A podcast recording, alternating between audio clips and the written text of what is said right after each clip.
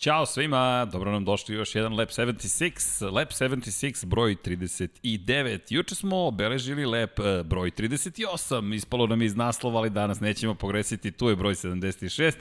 39. epizoda i kao što ste navikli neparni brojevi nekako su posvećeni Moto Grand Prix i naravno kao i uvek, moj dragi prijatelj, kolega, i e, obožavalac automotosporta. To je, to je zapravo pravi opis, ja bih rekao, za ovim da. stolom ekipe. Dejan Potkonjak. Deki, Ćao. lepo je vidjeti te ponovo. Takođe, hvala. No, ovo već postaje ozbiljna veza, ja moram da ti priznam.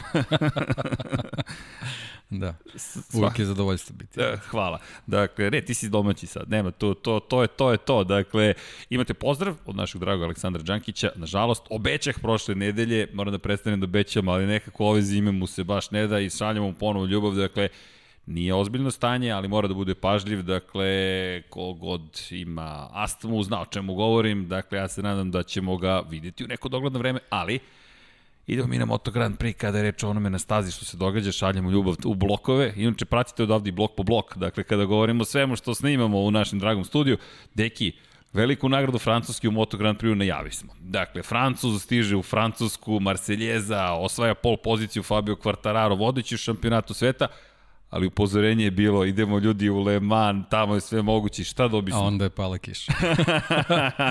da, i sve prognoze su pale u vodu, mislim, jednostavno još jednom se ovaj, potvrdilo nema ove godine nikakvih prognoza, dok se ne pogase svetli, dok ne krenu, ništa ne možemo da znamo napred, tako da, ali generalno bila je zanimljiva trka, meni je stvarno u neku ruku žao što je pala kiša, jer nismo mogli da vidimo prava izdanja, onako kako je najavljivano sve, ali jako je bilo zanimljivo. Tako e, da. ali vidi, i to je deo šampionata. Je. Znali smo, da, ovo, ova godina, smo. to je to, to je to. ideš u Nürburgring za isti vikend za Formulu 1, ideš u Le Mans za isti vikend. Nema šanse da se nešto ne dogodi. Formula Ispalo je gore u Le Manu. gore u Le Manu, da, da. Formula je nekako izbegla. Eko, u da. petak da. nije održan ni jedan trening Formula 1, helikopter nije mogao da poleti u magle, promenili su čak i mesto gde će biti heliodrom, ali mi u subotu dobismo sunce, u Nürburgringu u nedelju dobismo sunce, ali u Le Manu kiša u petak pa malo sunce, to je prestanak padavine, onda sunce u subotu, sunce sve do 12 časova i 55 minuta, a onda je... Marfi se pojavio. Počela kiša. To, da. I da. Danilo Petrući pobedio. Danilo Petrući na fabričkom Ducatiju, čovjek odlazi u Teh 3 naredne godine na KTM, završava trku na prvoj poziciji, to kakva vožnja, gledaš u Danilo Petruća, evo se naježio bukvalno i kažeš, ok, to je taj Danilo, Alex Marquez na poziciji broj 2, koliko priče imamo tokom, tokom o, samo ove trke, i onda gledajte, ko će sledeći biti? Poles, Poles Pargaro, čekaj, KTM-ovi, pričali smo, će biti tu, neće biti tu, prozi treći kroz cilj, Alex Rins pao, Valentino Rossi pao, Andrea Dovizioso opet tu je, a, a nekako nije tu. Izbor pneumatika na kraju bio problematičan i to su samo delo priče. Jack Miller koji je morao da odustane usled kvara na motoru, i još se nismo dotakli čak ni Moto dvojki, gde nam je vodeći u šampionatu odleteo 3 metra u vazduh, dobro je vozio Luka Marini, sjajno odvezao. Sve to delići Lemana, odakle da krenemo? Ćemo Danilo ne znam, da, Petrućija? Da, mnogo, mnogo tema, da, da krenemo od Petrućija, u stvari od Ducatija. To je jedina neka priča koja se, ovaj, koju smo i pričali pre trke, da je Ducati uvek dobar u Le Manu, nedostala je ta pobjeda.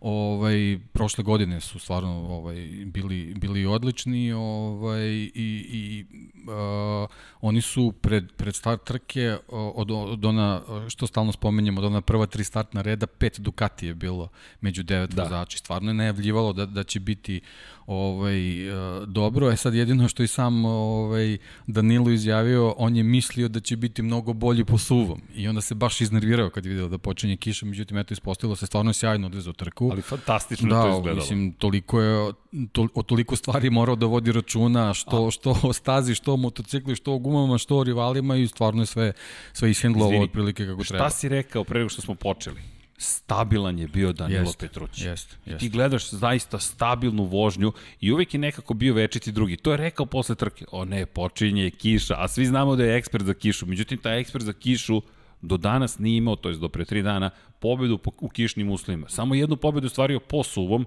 velika pobeda u Muđelu, na velikoj nagradi Italije prošle godine, i to protiv Marka Markeza i Andreja Dovicioza, I sada kada je počinjala kiša, kao što si rekao, o ne, ponovo. Ne, možda, možda baš to on ne, možda mu, je, uh, možda mu je to pomoglo da se dodatno koncentriše i da, da ovaj, veoma oprezno, ali sigurno izveze tu trku, a to je u stvari bio ključ uspeha ovoga puta. Da, i... Jer se videlo, bilo je pre svega jako važno preživjeti oni prve dve, tri krivine, na koje smo takođe upozoravali. Takođe, takođe ovaj, on je to imao sreće da, da, da započne trku, u ostalom kao i sve, mislim, to je jednostavno priča, važi za, za sve MotoGP trke, znači najvažnije da izbiješ na čelu i da kreneš u svom ritmu ovaj, kakav god on bio, znači jednostavno ovog puta on je morao da se prilagodi uslovima, on je to uspeo da uradi i stvarno izvezao par excellence trku. Savršena trka, da, događalo se svašta iza njega, ali... To je jednostavno iza. Tako je. Znači, najvažnije je držati svoj ritam. Ko vozi prvi, je u najrizičnijoj poziciji. Prvi će da otkrije nove uslove tako na stazi, ali će da, da izbegne gužbu pozadi. Tako, tako je.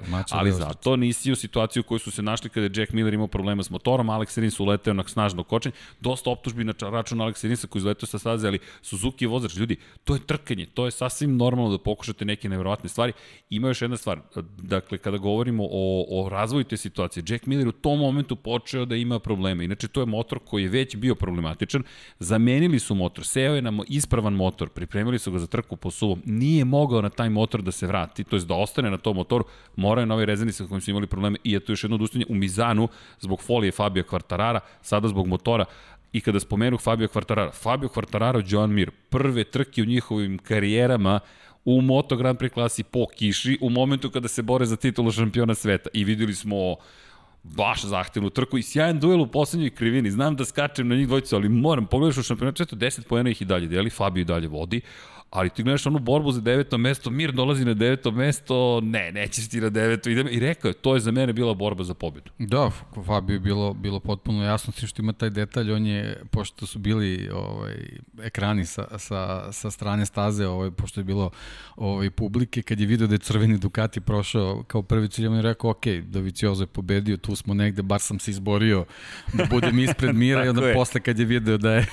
da je neki drugi crveni priče. Ducati u pitanju, rekao, u fenomenalno, ovo, ovo je dobar razlog. Eto, ispostavilo se ono što smo pričali, jednostavno takva je sezona. Da li smo mogli da pretpostavimo uh, posle pada Dovicioza u, u Barceloni da će četvrto mesto u Le Manu njemu biti sasvim dovoljno da zadrži priključak? To stvarno je bilo teško Vidi koliko, ali on je najpouzdaniji vozač na planeti Zemlji. Rekao si na početku sezone, ja ću te nastaviti da povijem. Ja, shvatio sam Dom Pablo, mi imamo vidovite goste. Ko sedne na ovu stolicu, on je vidovit. Paja koji najavio je pobednike, odustajanje Honda iz Formule, Deki koji je na početku sezone rekao Doviciozo, titula će ići ka njemu, ne on ka tituli, to se vrti u krug. Pazi sad ovo, on je prošao četvrti. U momentu kada bi trebalo da se bori za pobedu, i sad opet, neću da ga kritikujem, dovoljno smo ga kritikovali, ali nije da nije zaslužio, ali umesto 25 ti osvojaš 13 bodova. Dobro, ovoga puta ti... bio, stvarno je bilo to kockanje sa jeste, gumama. Jeste, jeste. Stvarno je bilo 50-50. Nije mogao više od ovoga. Bilo je 50-50 kako ćeš gumu izabrati, ovaj, nažalost, eto, on, on je ovaj, i sam je potvrdio zadnjih nekoliko krugova. Videlo se, klizalo je. Potpuno klizalo otišla, je. Tako da njemu četvrto mesto u, u razvoju situacije sa Kvartararom i Mirom ravno je pobedi. Super. Posebno posle vikenda u Barceloni. Pazi, on je 18 poena sada da. iza Fabio Kvartarara. Mi imamo još pet da. trka, ne zaboravite, već za dva dana počinju prvi trening, ako slušate ili gledate Negde ovo sam našao podatak, izvini, uh, ovo je sezona a, sa najmanjom razlikom u prvih, a, za prvih 15 da. vozača u istoriji. U istoriji. tako potpuno neočekivano. Ne, ne, ne vidim koja druga sezona je mogla tako se razvije. Da, ne, nemoguće. Mi imamo 9 trka, 7 pobednika. Ti ovako pogledaš, brojiš trke, kao dalje moguće da ih je 9 samo bilo. To je samo. I toliko i samo toliko i da imaš 7 pobednika. Da, moguće je. Najveće pitanje je ko je osmi pobednik, to smo već postavili, dakle evo, odgovorite i vi ko je osmi pobednik, nemamo nikakav poklon, ali evo smislit ćemo neki poklon za jednu osobu koja, ne mogu jednu osobu, nema pravidnih igara, no smislit ćemo do kraja da. podcasta, ali činjenice da, da, da čekamo osmog, kada je stanje u šampionatu, kada je reč o stanju u šampionatu, 19 pojena deli vodeće, pri čemu Vratit ću se na pobedničko postolje Aleksa Markeza, jer taj dečko zaslužuje svoju priču, zaista zaslužuje posebnu priču Novajlija, slično Brad Bin, Bredu Binderu.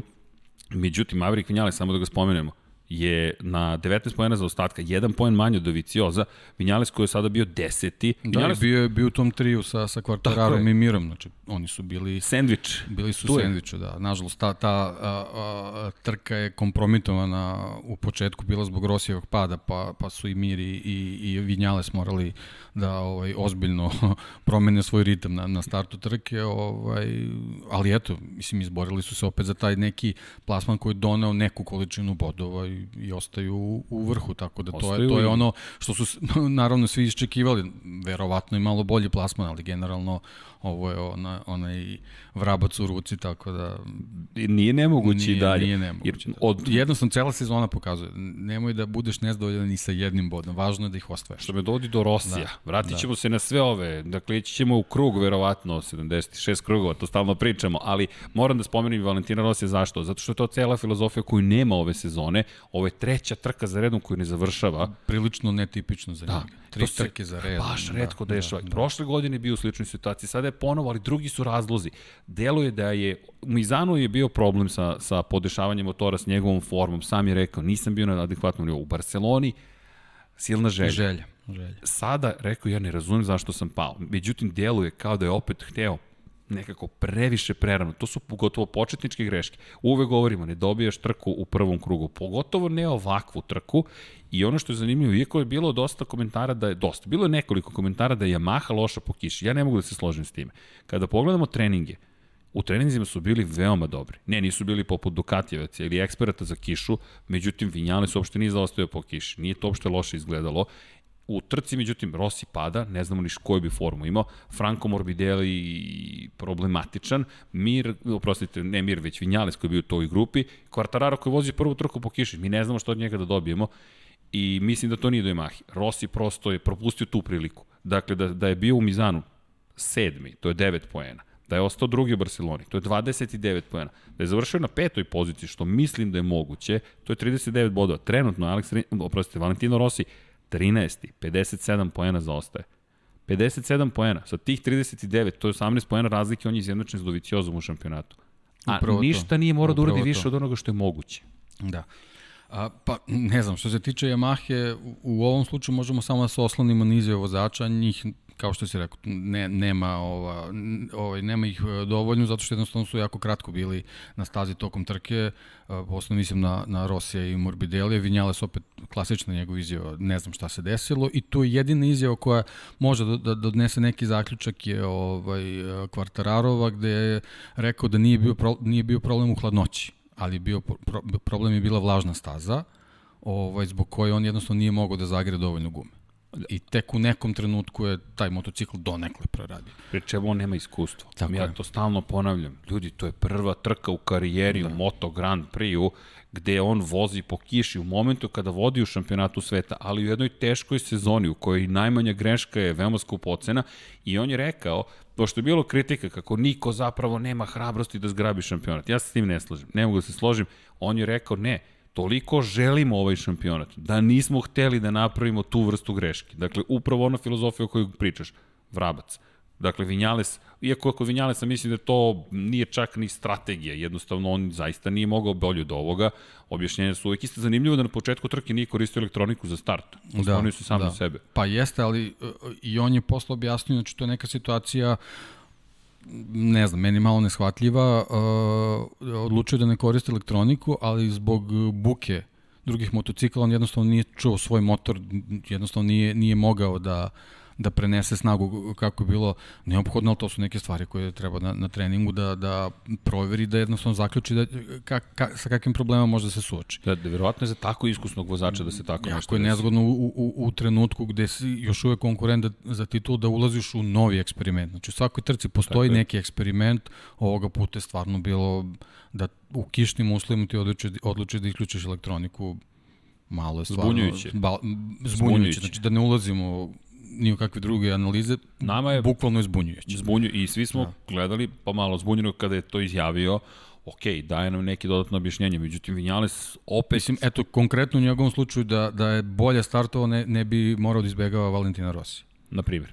I imamo i, ali to je zanimljivo, Alex Rins je bio u toj istoj gužvi sa Rossijem. Dakle, Rossi kada je pao na izlasku iz treće krivine, je uticao na trku velikog pa, broja vozača. Veliki broj vozača, da. da, da I Rins da. je bio između ostalog tu koji je uspeo da se probije zatim do vodeće grupe. Tako da, nije samo do tog incidenta Nije sa samo, naravno, ali jednostavno mislim da, da je jako nezgodno da ulaziš u svaku trku s nekim novim eksperimentom. To, mislim, samo tu ćemo da stanemo, ne moramo više da... da ne znam šta bih ni dodao, je. samo bih rekao za četiri trke Vinjales završava trke na pozicijama 6, 9, 10 i pobeda.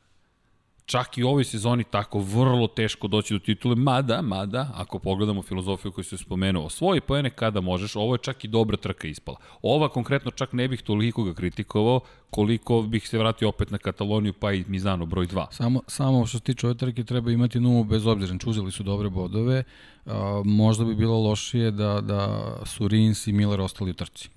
Sigurno bi bilo Tako lošije. da to ne bi baš bilo toliko dobro. Znači, u da. svakom slučaju, ok, uzimati bodove, ali, ali mora se biti pri vrhu. Znači, nije nužno biti na podijumu, ali mora se biti pri vrhu. Kada možeš. Jack Miller, da. sedma pozicija sada u šampionatu, 40 pojena zaostaje za kvartararom. Nema šta da se doda. Dakle, ovo je još jedan peh prosto za Jacka da. Millera. Imali su ih i drugi vozači, međutim, u ovom momentu, posle već peha koji si imao, vrlo teška situacija. U tri trke ti ne završavaš dve usled problema koji su van tvoje moći. Da, pritom on je, on je prošle godine bio treći u, u Le Mansu, znači bio je prilično naoštren za utrku. Ovo, eto, nažalost, ponovo se dešava nešto što kažeš, jednostavno ne, ne može na to da utiče i, i to stvarno može da deluje jako frustrirajuće. Da, to je baš, baš frustracija, baš si lepo rekao. Pre čemu Jack, da kažemo da je ostao u toj grupi, da je završio ajde četvrti, da je on... Da, Ma da, on... kažem, nije nužno biti na podijumu, ali, 27 ali četvrto ili peto mesto, to, to stvarno menja igru dosta menja igru. I da. to na stazi na kojoj smo očekivali, rekli smo da očekujemo dobar Ducati. Zanimljivo je to da nikad u istoriji, to smo spomenuli, da. Ducati da. nije zabeležio pobedu. Dakle, pričali smo o tome prošle nedelje, došli su do te prve pobede, ali videlo su u jednom momentu, ti gledaš kako Miller, kako zapravo Dovici, poprostite, Petroći, vidiš kako niko dođe mm na Petroći. Petroći vodi, Doviciozo je treći, Miller je na poziciji 2. Tri Ducatija koja tačno rade ono što smo očekivali. Dolazi Rins, koji je nevjerovatno brzinom došao, Ajde, šta da kažemo za Rins? Čekaj, kada sam ga već ubacio u priču. Šta da kažem, znači, standardna priča za Suzuki. Oni jednostavno moraju da imaju bolje startne pozicije. Jel, jel, jel tih nekoliko krugova koji im kasnije nedostaju da bi napravili bolji rezultat zbog čega možda moraju da forsiraju, one, oni su izgubljeni u prva dva, tri kruga gde moraju da nadoknade pozicije koje su izgubili u kvalifikacijama. Znači, to je ključna prepreka, moraju da budu bolji u kvalifikacijama. I Mir i Rins. Obojica, obojica. Ni jedan ni drugi nisu došli do Q2. Zapravo, prva tri treninga postaju najvažniji treninzi, to jest ne, naj, ne mogu da kažem najvažniji, ali trening broj 2 za pripremu za trku i onda trening broj 3 za osvajanje te pozicije koje vas ovde direktno u Q2 deo kvalifikacije moraju da budu bolji. Jer ko uđe u Q1, on troši gume. Tako je. On nema Tako guma je. dovoljno kasnije da pruži veći Nije samo to, samo dve, dve pozicije vode dalje to, to je već, Teško već neki je, pritisak, to je pritisak. Je. Mir je imao peh, ovaj, imao ne rodeo ride, fenomenalno Ali se da, snašao. jeste, ono je, da, da treba je, spomenuti, činjenica. Sjajno, ne, ono, Čekaj, je stvarno... Klizaš, klizaš, klizaš i onda se ovako popneš da, i kažeš... Podbodeš petu, uspraviš Ćao. se i to je to. Da. Idem dalje, jurim drugi motocikl. Fenomenalno, stvarno. Ovaj, I to je ono što smo pričali, mislim, imamo još, još nekih, nekih situacija sa ove trke gde, gde se stvarno vide da su oni ljudi iz neke druge dimenzije. Pa čekaj, evo, evo, evo na, ovo motor na, koji ima 110 kg, dakle ovo R120 ima 120, 110 kg i trebalo je namestiti ovde u studiju. Ko nije imao iskustva s motociklima, delo je to samo se sagneš, popneš. Još je to, dobro, ovaj zanimljiv motor zapravo, on je teži nego što biste očekivali, nije lagan svakako, 150 kg ima, kada je prazan motocikl, zapravo Moto Grand Prix-a, i ti gledaš njih kako podižu pun rezervoar, po kiši, po bilo čemu, nema nikakvih problema, idemo, sedamo, vozimo, 300 skoro, ne, nije još 300, tu smo na 270, 280 konjskih snaga, jesu nadljudi.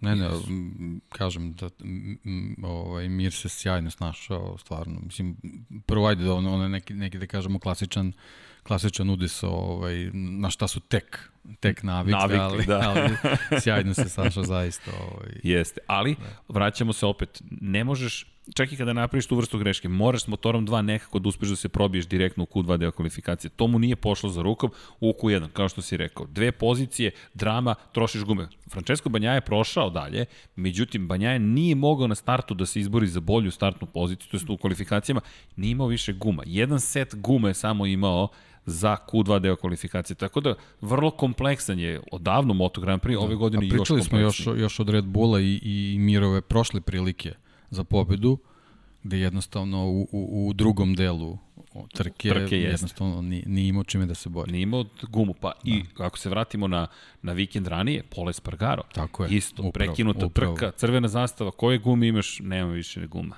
Nema više guma, ti sada moraš da štediš gume, pri čemu su imali donekle sreće da u sred trke se nije prosušila staza. Tek onda ne znam neki ko bi da. tu imao šta. Da. Pogotovo što su svi neprekidno, i to je zanimljivo, vozili samo na making gumama. Samo su na making gumama vozili jer srednje tvrda i tvrda po suvom ničemu nije služila. Neko je pokušavao, ničemu nije služila. A da ne zaboravimo, po kiši imate srednje tvrde i meki gume na raspolaganju, nemate tvrde gume i to je onaj izbor o kojem si govorio kada je reč o Doviciozu. Izabrao je mekšu u zadnju gumu i nije mogla, nije mogla da preživi Oni to su jednostavno računali da, da se staza neće toliko prosušiti, ali to je stvarno... To je lutrija. To je bila lutrija, da, da. Znači da, da je bilo drugačije, verovatno bi sad drugačije pričali o pobedniku trke, ali, to, ali jednostavno sigurno. to su trke. To je, A pa to je, ali to je, to je šampionat sveta. Je. Ajde sad tako predvidi, to je sad nemoguća misija. Šta nismo sigurno predvideli? Mada smo rekli, rekli da bi mogao da ima dobar rezultat, ali ne ovo, Alex Marquez. Čekaj. Da, ne, ne, Druga pozicija u debitanskoj sezoni po kiši protiv Ducatija, protiv Pola Espargara, protiv Suzukija, dečko je odvezao u njegovom stilu staloženo, mirno i do kraja precizno i ja sam oduševljen. Uz Petruksa to su to je vožnja dana. Dakle da Petruks nije pobedio, Alex Marquez je apsolutno vozač dana. Apsolutno, pre svega zbog pozicije na kojoj je bio i dokle je stigao, ali ja, bi, ja bih to, on je najbolje to opisao i stvarno mi je drago da, da, da tako razmišlja ovaj, posle sve te euforije, ovaj, osvajanja drugog mesta i tako dalje, čovjek je rekao, ljudi, ma ja sam nekadašnji svetski šampion. mislim najbolje objasnio. Znači ne treba ne treba ovaj dizati tako euforiju što se toga tiče, već samo samo ovaj razložiti situaciju upravo kako si ti u prenosu rekao. On je on je čovjek kome treba vreme da se prilagodi nekoj situaciji to je to. i uh, samo samo sami loši vremenski uslovi Le Manu su mu uh, omogućili da se za konkretnu situaciju možda bolje prilagodi od drugih. Meni je to fascinantno i kod njega i kod Luke Marinija. Luka Marini, svaka mu čast kako je Da, to je, to je drugi tako. detalj uz, uz ono mirovo ustajanje. Da, da to, je, je, to je... Evo, ja gledam studio, studio vi to ne vidite, ali ima 3,5 metra visine, 3,40. On je bukvalno čovek bio lansiran deki na plafon. Dakle, na Nije samo što je bio lansiran na plafon, mene, mene ono njegovo, posebno kadar sa motocikla, mene je posetio o, na, na ono, one nekada što je bilo o, u prošlom veku ili pretprošlom, već, već ne znam u kom, oni ljudi džulad, e, ono ispaljivanje oh, stopova, znači bukvalno mi je na to ličilo, koji su se pritom završavali u nekim zaštitnim mrežama. On je svom silinom završio na asfaltu, Meni, meni u takvim situacijama samo ovaj, unutrašnji organi padaju na pamet. Znači, ne, ne prelomi udova i kostiju, nego jednostavno unutrašnji organi. Znači, to je takav stres da... Ja, ja ti moram ja da sam, da sam iskreno razmišljao o kostima prvo. Zašto? Da. Zato što on to, Naravno, to je, dobro, to kost, je, da. Iskreno ti kažem, jer ta inicijalno to je ta lansiranje, sila, tako je, inicijalno lansiranje, tu si 100% pravo, nije mi palo na pamet, ali meka Kao i stopa da je, da je ne znam Me, šta je meni, sve Meni je to prvo palo na pamet, ja pretpostavljam da zbog toga i završu u bolnici, ili to sve moralo da se... Ne, morali da su da snime sve. Da. Magnet, rengen, sve. Dakle, da vide mekat tkiva na magnetu, na rengenu da vide kosti, čudesno kako nije bio zbiljni poređenje vozio naravno trku jer to su ljudi od čelika bukvalno, ali šta sam hteo da kažem Luka Marini je polubrat Valentina Rossi Alex Marquez je rođeni brat Marka Marquez Mark Marquez 8 titula, Valentino Rossi 9 titula Luka Marini još nema ni jednu titulu počeo da ređe pobede Mark, Alex Marquez dve titulne šampiona sveta Dakle, najbolji je bio u Moto3 klasi 2014. Prošle godine je bio najbolji u Moto2 kategoriji. I jednog i drugog pokriva senka. Pokriva senka i to je neminovno. Prosto imamo, govorimo o Rosiju i Markezu. To su dva od, po mom mišljenju, tri najbolja vozača koje smo ikada gledali i dolaze njihova braća koja su uspešna na neki svoj način, ali nekako gledaš i uvek, aha, ti si brat. I to ono što mi insistiramo – Ne, nisu to samo braća, to su neverovatni vozači. Ne pobeđuješ, ne osvajaš titule tek tako, ne pobeđuješ u Moto2 kategoriji tek tako. I to je ono što mi je bilo tokom ovog vikenda zanimljivo, njihovi, njihove sudbine, inače ih pratimo, ali potpuno drugačiji stilovi vožnje. Ti pogleda Aleksa i njegove kaciga je plave boje, hladna jedna boja, racionalan je mnogo i to se, ja verujem, videlo zaista u vožnji korak po korak, korak po korak, bez odustajanja od svog tempa. Ne, videlo se posebno što, što su uslovi na stazi to zahtevali. Tako da, ovaj, upravo to, ta vožnja korak po korak je njegova neka i odlika i ovo je bila prava situacija da može da pokaže u stvari kakva je njegova filozofija vožnje MotoGP-a. Meni je to fantastično. Tako da, ja... ovaj, stvarno izvezao on, uz, uz Petrućija, vozač koji je bio najkonstantniji bez nekih uh, ispada, nekih posebnih grešaka, gde bi gubio neke sekunde, Videlo se da jednostavno to, to, to je u stvari ta šampionska vožnja iz, iz nižih kategorija. Volim, apsolutno obožavam, volim njihove intervjue i Marinijeve i Aleksove. Zašto? Prosto gledate dva staložena momka. Potpuno druga energija. Kod Rosija je uvek harizmatično, vatreno, svi su oko njega. Kod Markeza slično. Najmoćniji sam, najbolji sam, sve, sve, sve. Jedan i drugi hoće da pokore svet. Njihova braća sede i staloženi i objašnjavaju, ne, ja sam malo drugačiji, uz osmeh na licu. I meni je super bilo da vidimo najzad lice Aleksa Markeza na Hondi koji da, dalje zahtevno. Upravo to i da ne zaboravimo koliki on pritisak trpi čito ove sezone bez, bez uh, Marka na stazi. Da. Verovatno bi bilo možda lakše da je Mark tu. Ko zna? Ko zna, Ko zna. jer rezultati Markovi bi sigurno bili astronomski, vrhunski, veliko je pitanje kako bi to bilo, ali, ali jednostavno zbog te, te njegove filozofije sad se vidi da on u stvari samo na racionalan, racionalan način gleda na, na, na tu situaciju i ne verujem da, da iz, iz, iz svega što mu se dešavalo ove situacije da iskuplju negativne stvari. Verujem da izlačio samo pozitivno i to se videlo kao rezultat u Le Manu. Pa da, on je, on je, on je to i rekao. Inače, zanimljiva je njegova izjave da je u poslednjim krivinama i krugovima razmišljao o Albertu Puđu i rekao, samo sam razmišljao šta će da mi učini ukoliko ne završim trku.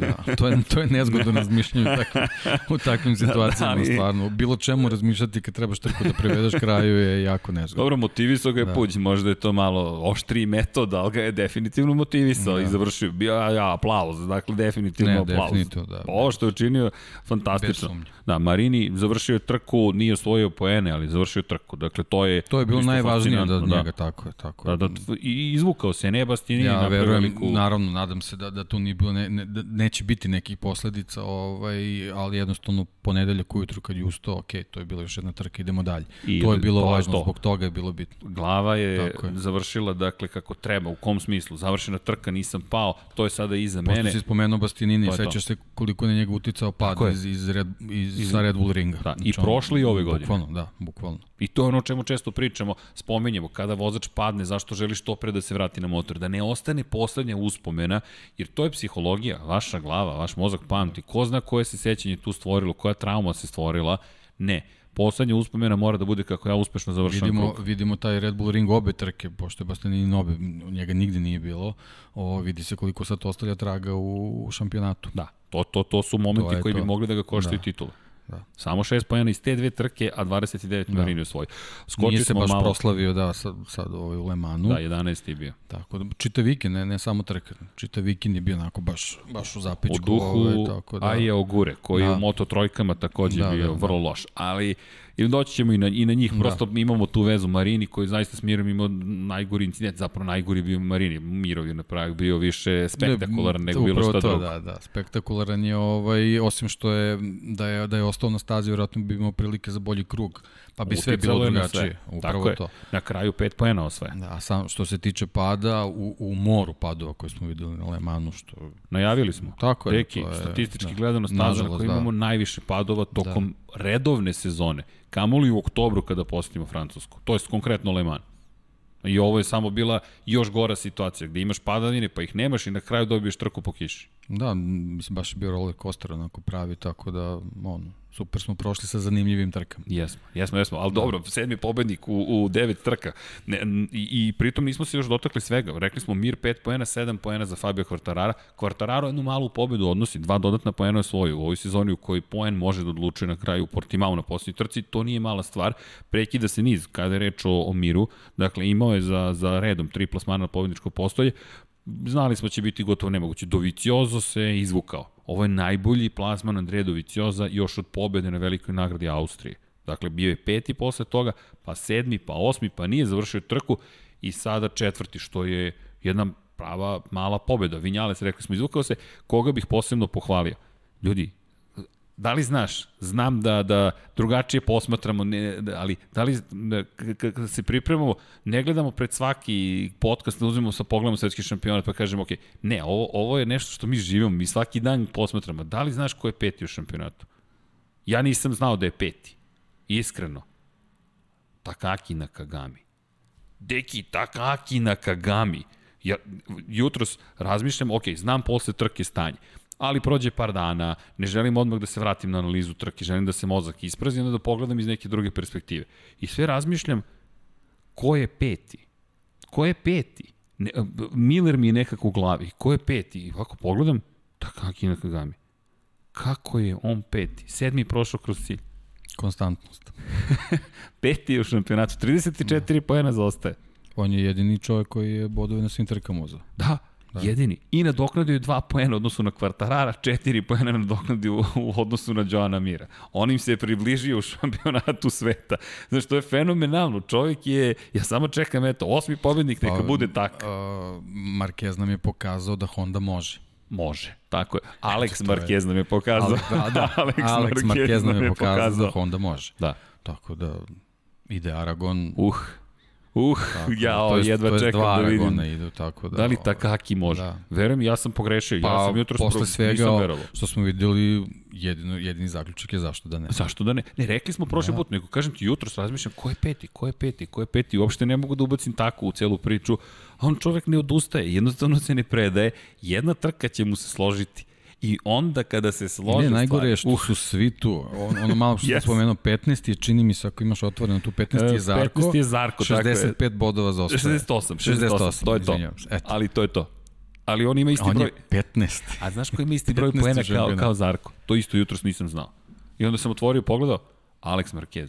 I ti sad sediš i oko gledaš, Čekaj, kako pobednik, sad Alex Mar... da, pobednik u sezoni je 14. u šampionatu. 14. u šampionatu. Ne, vidi, cijela, da. ovo, cijela sezona je potpuna ludnica i to je ono što je savršeno. Eto, Petrući skoči na 10. mesto u šampionatu. Petrući koji je ispred Breda Bindera, koji je imao jednu, pa ne znam, prosečnu trku. Da, kao, Alex... kao da, da je u padu formi. Jeste. To nekako, njega, njega nigde se. isto nije bilo ovaj, tokom treninga. Izgubio se. Da... I rekao je. Da. Znaš da ga ekipa zvala? Zvala, da, da, to, to je, da. Čekaj, to... Ali lepo je, mislim, eto, to je on otkrio samo. Jeste, to je, nije to je krio baš ništa. lepo, da.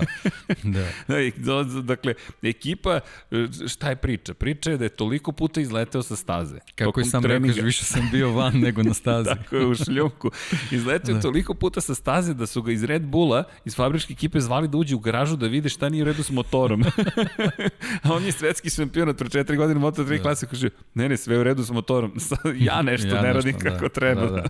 I, I to je super stvar, on je svestan, jest. svestan je tih problema, nadam se da će, da će na, na psihološkoj osnovi da, da poradi na tome, tako da se nadam da ćemo i njega imati ovaj Pa vratit će u završnici se u zato što pričat ćemo o KTM-u, on je isto u dobroj poziciji vezano za agregate. Jeste. Tako da je jako bitno da, da on uđe u formu. Da, Otvaraš da, mi niz sada, da, vidi, da, da, Pola Espargarov da, da. je sledeći koji je na poziciji da. broj 3, ali možemo i da preskočimo Pola Espargara ne zato što želimo da ga preskočimo, nego čovjek koji je najavio osvajanje titule Dobro, Miguel Olivire. Ti si to podigao na više nivo. Ovaj, Jesi primetio? Da, nisam... Ja sam senzacionalista. Da, da, ne, ne, sve okej. Okay. Nisam ovaj, uh, gađao da će on baš osvojiti titulu naravno, pre svega naravno. matematički zbog, zbog tabele, ali je na ovoj trci pokazao da, da će zbog, zbog tehničke mogućnosti koju ima, očigledno da pomrsi konce mm, raznima. 10 on, poena je osvojio. Da, i mislim, Tri više od kvartara. Bio je u legitimnom razmišljanju da bude na podiju. I ono što je meni fascinantno jeste završna izjava. Miguel Oliveira. Nismo, Miguel Oliveira, da, nismo rekli o kome se radi. Da, da.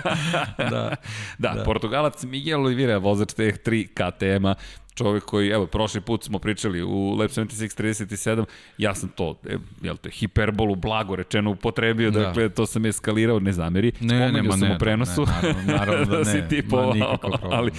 to smo pretvorili u uh, luda prognoza, dakle, da. luda prognoza da će osvojiti titulu, to jest argument je tvoj bio zapravo da će zahvaljujući tome što ima tri motora na raspolaganju. Kakva ironija. Znaš da sam pomislio na tebe kako je pukao motor. Bukvalno 30 sekundi kasnije, da. znači, bukvalno 30 sekundi kasnije. I gledam kome je pa eksplodirao motor, Uh, ok, Miguelu Vaše kletve nastavljaju da rade. Reci. Funkcionišete kao sat. kao sat, neverovatno. Sjajne vožnje Aleksa Rinsa i Aleksa Rins je odustao. Da li Rossi može do pobede? I Rossi je odustao. No, Miguel Oliveira ima tri motora na raspolaganju i on šalantan može biti. Upravo mu eksplodirao motor.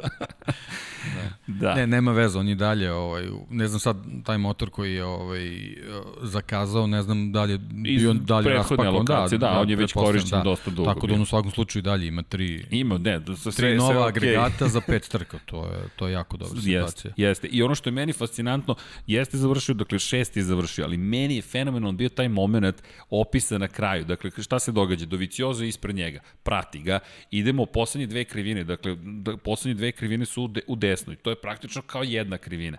I rekao je šta je planirao, pošto je znao da će Doviciozo da blokira i da će ići zapravo defanzivno. Mora defanzivno zbog guma, jednostavno nije mogu drugačije. Tako je, i to se vozi, tako je Pola da. Espargaro vozio Mizanu. I rekao je, znao sam da će ići otprilike po sredini i spremio sam se sa spoljne strane da napadnem, kada Doviciozo uđe u krivinu, ovako da uletim.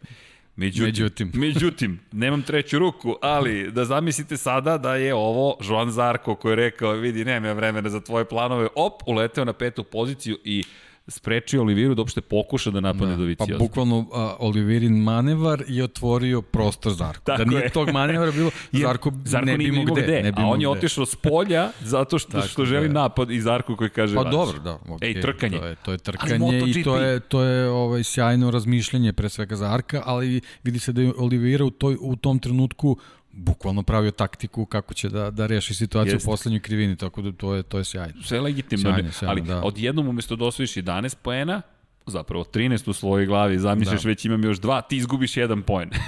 Šta ti je MotoGP? A to je poslednja da. kriv, to su poslednje dve krive, poslednje kruga. Ali na kraju krajeva tako i pobedio. Tako, e, bravo deki, to mi nije palo na pamet. Tako da, sve je to složeno nekako. da, da, da, da balans, da, kosmos da, i mislim, mislim da, ako se priča o te dve situacije, da, da bi rekao, mislim da je bolje prošao. super, da, ovako je sasvim super. Zadovoljno ako je moralo sam, se da. desi, nemam problem. Hvala vam, sva, da, da. hvala, sve u redu. da, da.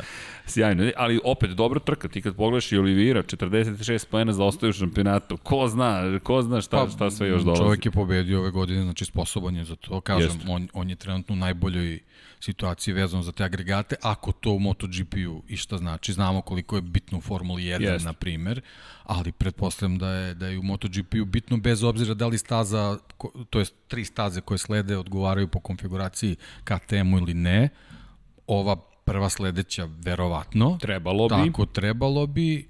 Imamo ovaj, vozače KTM u dobroj formi, osim Pindera, koji mora, mora da se vrati na neki svoj nivo, yes. tako da od njih na sledeće dve trke možda možemo da očekujemo a, a, bar rezultate na ovom nivou. Znači, ne moramo sad da računamo da, da ih stavljamo u konkurente za pobedu, ali za, za neka niža postolja na, na, na podijumu i taj visoki plasman sasvim sigurno. Pa, bez, bez, bez ikakvog razmišljanja. Pole Espargaro u poslednjih pet trka, tri puta na trećoj poziciji. To je, to je odlična forma. Pričamo o tri plasmana na pobedničko postolju. To je sada postalo standard. Gotovo nevidljivo. Štajerska treći, druga trka u Mizanu treći, to je Emilija Romanja i Rimini i sada u Francuskoj treći. Što se tiče KTM-a, ja ne znam, mislim, ja, ja verujem da ne da su prezadovoljni ovom sezonom, nego što se njih tiče sad kad bi se završila, to je tamo ništa više da ne urade na sledeći petar kao ovo je kad se podvuče crta, ovo ne zadovoljavajuće, znači dve pobede, pol pozicija, ne verujem da, da, da su i u najluđim planovima na kraju prošle sezone računali da će ova godina ovako da, da, da se završi. Ne završi, nego jednostavno da... Da će ovako da protekne. Da tako da protekne. Tako da on je potpuno rasterećen i ulazi u, cele, u, u sve te priče. Kažem, eto, iz, iz nekog neverovatnog ovaj, razvoja situacije, oni su u najboljoj poziciji što tiče tih agregata, pa to stalno spominjem, najviše? ali mislim da očigledno da i to igra, igra ulogu u svemu tome. Neki ne zaboravimo, posle ove trke, šta se desilo? KTM je preuzeo ponovo poziciju broj 3 u šampionatu konstruktora. Yamaha vodi 19 pojena ispred Ducatija, ali KTM je tu. KTM je sada u duelu sa Suzuki. KTM dosta za odnos, od, zaostaje odnosu na Ducati, to ne znači da je završeno, prosto u ovom momentu 26 pojena zaostaje, 7 pojena ima manje Suzuki. Suzuki koji je osvojio samo 5 pojena. Samo 5 pojena na kraju zahvaljujući Miru, a 9 pojena više je osvojio KTM na ovoj trci. Suzuki, to, to je sad taj neki problem vezan za taj šampionat koji je možda toliko ne gledam Suzuki ima samo dva, samo dva motocikla. Jest. I to je ono što smo pričali, moraju od sledeće sezone već da vide da, da, da dobiju nekog, nekog satelita, ako je moguće da, da, da malo, ako je bitan taj šampiona, da, da malo te bodove. Koga ovaj. u satelidžije? Koga? vidjet ćemo. Koga? Vidjet ćemo, Vidi da. ta priča koju smo otvorili da, prošli put se zakomplikovala. Da, da, da. Trenutno da. nemamo rasplet. Ono što znamo da samo podsjetimo, Aprilia juri svoju fabričku ekipu, Gresini ne znamo da će biti tu, priča se o Suzuki-u, Avintija traži svoje mesto pod suncem, imaće ga najvratnije, možda dođe ja, A kažu da je bila neka kafica Avintije VR46 Jeste. ima, tako da to su sad već to je ravno ovaj, Oliveiri Znaš čemu je ravno? Pa šampionatu u Moto Grand Prix. da, to, to da. je ta najbolji da, roman koji možete da čitate. Da, Tako je. 20-20, ovo je ta sezona koja se na jedan drugi način pamti. E, inače, imamo ovo, dakle, MotoGP Results, e, da, sad sam se setio. Ovo treba da nam stigne, još nam nije stigla nova verzija. Ovo su neke stare verzije iz prošlosti, ovo je konkretno iz 2009. izdanje. Dakle, ovo više čuvamo kao našu arhivu. Ali, šta ćemo da uradimo? Sad mi je pao na pamet stiže mi nekoliko ovih knjižica. Kada stignu, eto to ćemo da poklonimo. Ko voli statistiku, ljudi, ovde imate za sve tri kategorije sve rezultate. Dakle, ovo je pre baza podataka i online i interneta, kako izgledalo 95. Ko dobije čuvenu, u Formuli 1 je još čuvenija bila, dakle, da ne imenujem duvansku industriju koja je bila sponsor, ali od gospodine Dešenoa, kada stigne ovo, bukvalno Biblija, onda sednete i kažete, okej, okay, E sad, pošto se ne updateuje samo, vi uzmete papir i olovku i dopunjujete da. brojeve pobeda i kategorije su se usložnjavale. Najveći broj kombinacije pobednika, otac i sin, to je Hill promenio, na primjer, pa se pojavio Villeneuve, tamo 95, 6. U svakom slučaju, eto, ovo je, kao što se rekao, Biblija, bukvalno. Zvanče da. se zove MotoGP Results Guide. Imate čak i online mogućnost da kupite. Werner Hefliger je zadužen kada je reč o imenu i prezimenu, ja mislim da je sad njegov sin to preuzeo za ovo izdanje. Mi smo dosta zavisili od ovoga, moram ti priznati. Da, da, da. Da je ovo jedna od omiljenih stvari. Do pre deseta godina ključne stvari su bili Jest. vodiči razni i, i ovaj, statistike, sve što je moglo da se nabavi u, u štampanoj formi. Nije, Jest. jednostavno internet nije bio toliko moćan po, po tom pitanju, ovaj, tako da ajde, ajde, možda ne, ne 10, ali pre 15 godina sigurno. Jeste, jeste, jeste. I mi mnogo volimo. I dalje volim kada stigne papir, znaš, to ide u studio. Evo, iza su tri izdanja iz prethodnih godina, ovo sa Belom je 25-godišnjica. Ne, svi, svi, ozbiljni, svi ozbiljni šampionati ovaj, dosta pažnje su polagali i, i polažu dalje, kao što si rekao, to sad može u PDF-u da PDF formatima da se skine. Ja se sećam, dok sam još većinim novostim, bio NBA Guide, čuveni. Jest. Bukvalno pred svaku sezonu i, i po završetku sezone, to je jednostavno Čuvaš bila, bila ključ, pa, ključna stvar. Mislim, bez toga jednostavno nisi mogao ništa da radiš. I za tebe, da znaš, pošto su tu drugari iz Vision Go, imaš tem, tamo teniske vodiči su pa tačno pa, iza je, da, tebe. Da, upravo, upravo VTA, to, da, ATP, da. Tamo... Godišnjaci po završecima sezone, tako je, to, tako to su bile ključne stvari. Mislim, sad okay. gomila podataka, podataka možete nađe na internetu, ali ovo su stvari zaista ovaj, koje su vredne čuvanja. Lepo za biblioteku. Yes, tako da yes. to ćemo da poklonimo ok, to smo se dogovorili. Dakle, eto, smislili eto, smo nešto. Smislili smo, da. dakle, ne se samo šta je trebalo da se uradi, ali dobro. Da, to ćeš čuti pa ćeš... Počuće. Ovdje, da. pa ćemo dodati, da. dakle... Da li, smo, da li da prognoziramo pobednika? Da, prognozirati osmog e. pobednika. Ok, Eto. prvi, Evo, evo, evo ovako, ajde nećemo da, ne, ne kažem prvi, da pogodi ko najbolje prognozira pobedničko postolje. Može tako. Bilo je nekih zamerki, ali ne možemo, ne, ljudi, ne možemo sve da postignemo. Ako gledamo ko je najbrži, onaj ko prvi pogleda Lab 76 će biti gotovo uvijek najbrži. S druge strane, ako napravimo igru na sreću da izlačimo nasumično, već smo u prekršaju zakonskom, moramo da prijavimo to, onda moramo da prijavimo povereniku, pa moramo ministarstvu za, za igre za sreću. Itd. Itd. Ljudi, to onda sada ne možemo ništa da uradimo naredna, me, narednih meseci i po otprilike, a i onda moramo da organizujemo komisiju da dođe ovde da provera proverava da li smo to uradili kako treba. Tako da zato se igramo malo ne na sreću, nego na znanje. Na znanje, da. Ali evo, ovo je, eto, pogodite ko će biti na pobedničkom postolju, pa ko najpribližniji bude, dobi prvi koji najpribližniji bude, može tako da moram to da ubacim, jer nemamo dovoljno, dobit će jedan od ovih vodiča. Eto. Rešeno. Rešeno.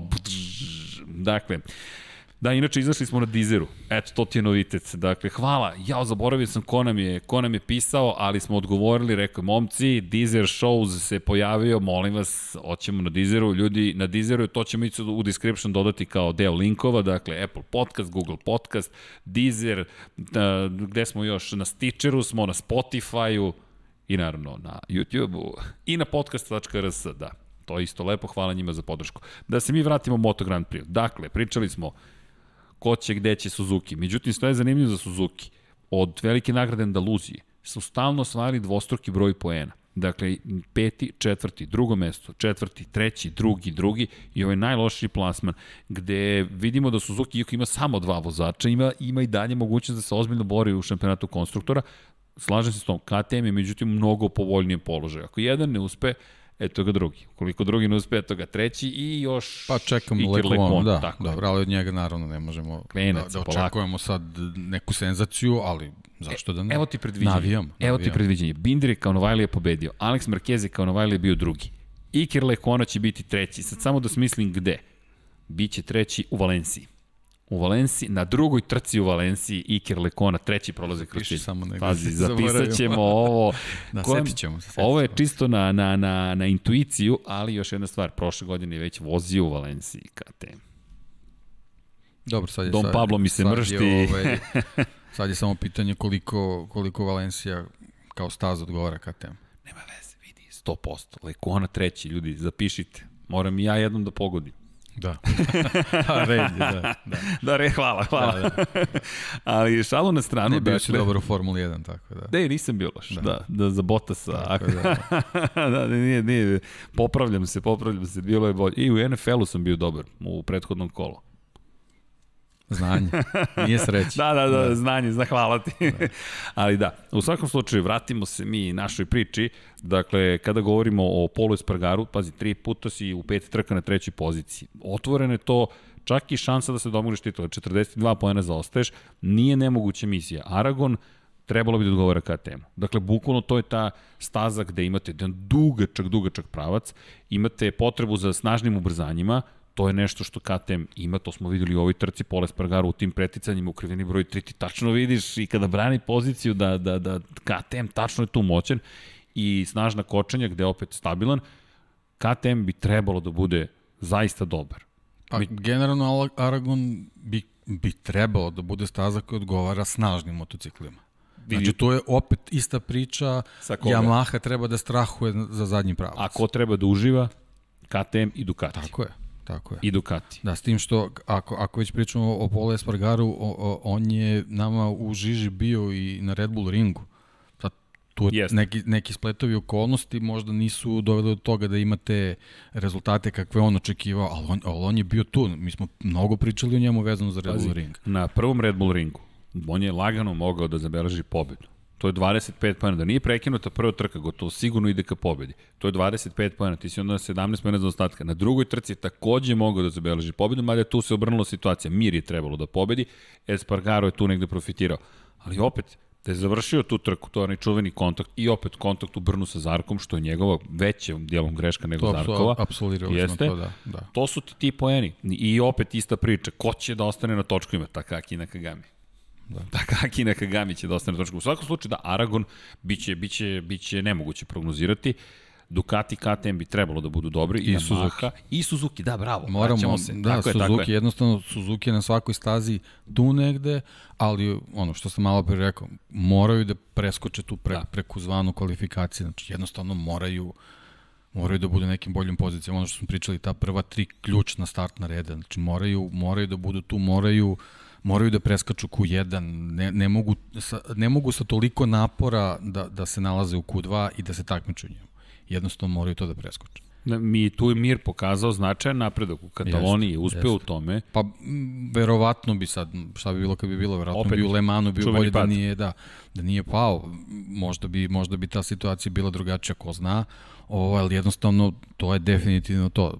Moraju da poprave kvalifikacije. I, I da spomenemo dva velika gubitnika, dakle, iako smo Millera spomenuli, Franka Morbidelli smo se samo dotakli, Franko izgubio mnogo. Jeste. Ovaj pad je baš skup ocen, taman se nekako uključio u priču, 38 pojena sada zaostaje, peto, šesto, sedmo, svako mesto je značajno, Franko tu baš imao nekako lošu trku, lošu trku, dakle nekako njega baš gledam s obzirom na činjenicu da smo da, da, da, da, da, da, da smo videli da je Maha zaista funkcionalan motocikl. Suzuki je možda u teoriji najkompletniji, ali kad pogledaš rezultate, najviše nam je dala Yamaha za sada.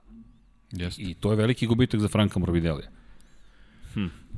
Hm. Pa, Nema uh, mnogo toga ni šta da kažem. Jedan, jedan Mizano, gde nije bila njegova greška, onda Barcelona, to je sad već neka serija, ne, ne kao Valentino Rossi, ali ali uh, nekako slične, slične probleme imaju s tim što uh, na, na Rosijeve padove niko nije uticao. Morbidelli jednostavno to nije imao sreće, nalazio se možda u nekim, nekim pogrešnim mestima u, ovaj, u pogrešno vreme, ali generalno i što se njega tiče, ako postoje neke ambicije, mada ja mislim da on ono, čisto eto koliko ga, koliko ga i poznajem, on je ipak momak koji je onako realan sa nekim svojim razmišljenjima. Ne, da, ja ne verujem da on sad nešto ovaj, posle pobede i uopšte potencirao da je kandidat za titulu ili tako dalje, ako već pričamo o tome, ali jednostavno a, pokazuje da, da posjeduje kvalitet da bude u vrhu. E sad, zašto se to ne, ne dešava u nekom kontinuitetu, to je sad možda već za, za neku malu podužu analizu, ali jednostavno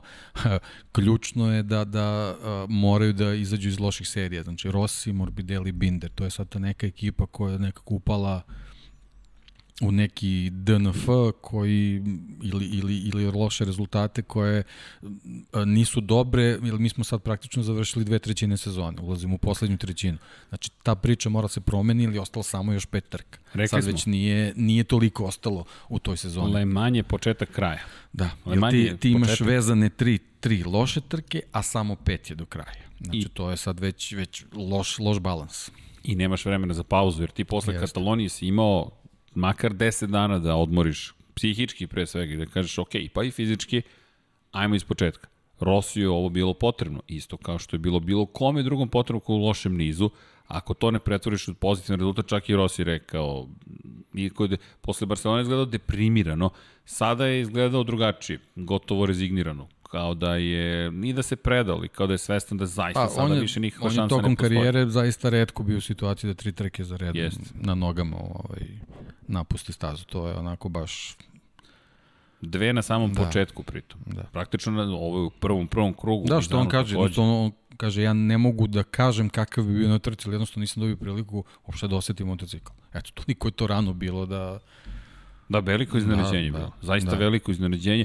Iskreno, posle dva pada očekivao sam do, baš dobru trku. Sad, da li bi opet ista priča, da bi, ne znamo šta bi uradio, ali je ogroman gubitak za najveći, zapravo jedini čovek koji je u tako lošem nizu trenutno jeste Valentino Rossi. Jeste. Morbidelli je takođe loš, zato, zašto spominjem Franka? Pa Franko je bliži, 38 pojena za ostatka. Pa da, opet... i pobednik je ove sezone. Znači, mi sad moramo drugim očima da gledamo ljude koji su pobedili na trku. Znači, ti si pobednik ove sezone, mi moramo da računamo na tebe. Pritom njegova, njegova pobeda je bila upečatljiva. Jeste, znači, dominantna. Nije, nije to pobeda koja je došla kao splet nekih okolnosti, nego to je bila pobeda, znači krenuli smo i ja sam bio od početka za pobedu.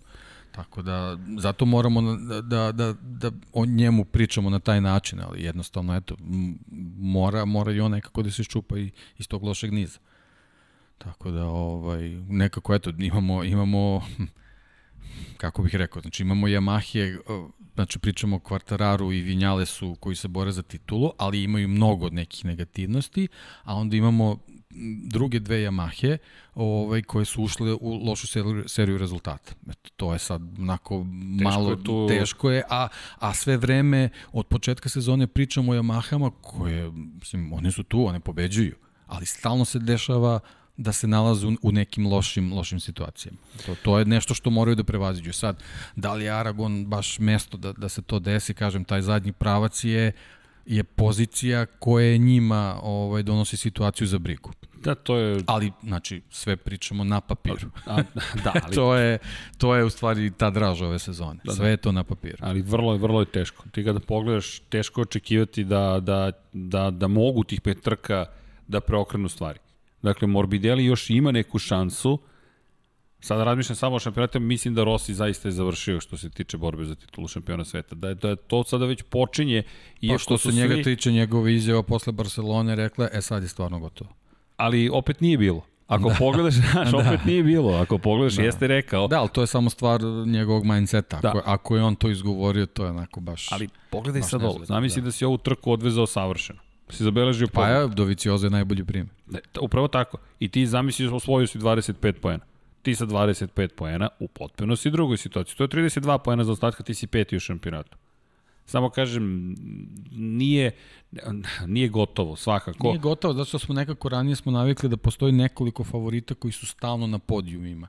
I onda se na taj način prave neke matematike i kalkulacije. Ovo je sad skroz druga priča na koju oni trebaju se naviknu. Ti možeš da osvojiš 25 bodova, a tvoj najveći rival može čak da ne uzme bodove uopšte. Ja, to si sjajno e, rekao. Ti moraš to, drugačije da pristupiš mora, ovoj godini. Da, da. Znaš da me zvao jedan od šefova timova, da sad ne imenujem čoveka, da ne budem indiskretan, i rekao, slušaj me, ja bih s Rosijem osvojio titulu ove godine, jer je ubeđen i tu delim njegovo mišljenje. Mislim da će mu Petronas mnogo prijati. Mislim da, će mu, da mu je potrebno neko da mu kaže ne. Jer mislim da trenutno niko u Yamahi ne može njegovom autoritetu da se suprotstavi da kaže ne.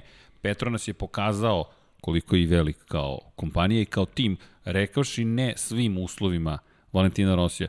To su klasični pregovori, dakle to ne, nemojte posmatrati na na pojednostavljenom nivou navijačkih strasti. Poštujem ih, obožavam navijačke strasti, ali kada govorimo o pregovorima, nemaju mesta navijačke strasti tim pregovorima. Šta je poenta priče? Poenta je da morate kao druga strana da kažete, čak i tako velikom šampionu, polako. Daćemo ti skoro sve, ali moraš i ti da daš nama. Mora da postoji balans. Vilko Zilenberg i Razan Razali, pa cijela ta ekipa zapravo, je veoma ozbiljna. Ističem njih dvojicu pogotovo. Daleko od toga da Johan Stigifeld nije ozbiljan, ali pogotovo Vilko Zillenberg radio je Mahi, poznaje Rosija, bio je na strani Jorge Lorenza, sada će biti menadžer i Rosiju.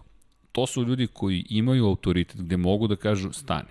Hajde da radimo zajedno na tome da ostvoriš neki rezultat. Jer sam duboko ubeđen da ima, on ima veoma mladog glavnog inženjera. Teško ti možeš da, da pružiš otpor Valentino Rosiju. Jeremy Burgess je otišao nekim svojim putem, ali je mogao da kaže čekaj polako, stani, ti, si, ti učiš od mene, ja učim od tebe. I, I to mislim da ono što nedostaje nekako Rossi, čak mislim da će taj prelazak u Petronas zapravo mu prijati. Ono što si ti rekao, već se vidi da na stazi jeste brži, ali što se tiče titule, sad stvarno Znaš kako, mislim da Petronas je pokazao da, da, da, da su ove sezone ovaj, postali ozbiljni igrači, ili oni imaju četiri pobjede. Da. To je ozbiljan argument za razgovore bilo kakve.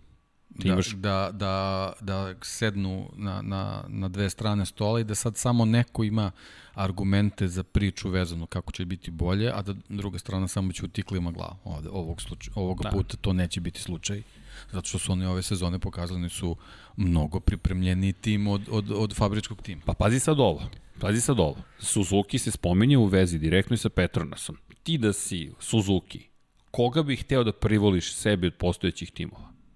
Koga bi, koga bi želo da imaš? Pa ne, od satelitskih timova. Tako je, jasno je. Petronas je da. broj 1. Od jednom tim koji je bio novonastali tim je postao tim koji svi žele pa da. Da, posećaš se pred nekoliko sezona, znači Petronas je to bio kako super, došli su, imamo još jedan tim. Jest. Lepo je, lepo je da se proširi grid, ali vidiš da, da su njihove ambicije potpuno drugačije, na potpuno drugačiji način je uklopljena čitava ekipa.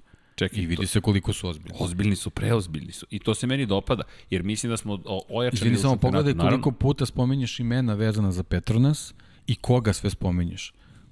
U, da? u, u kojim u ovim segmentima. Recimo, na primer, koliko si o, o, o Pramaku pričao o raznim ljudima koji su tamo.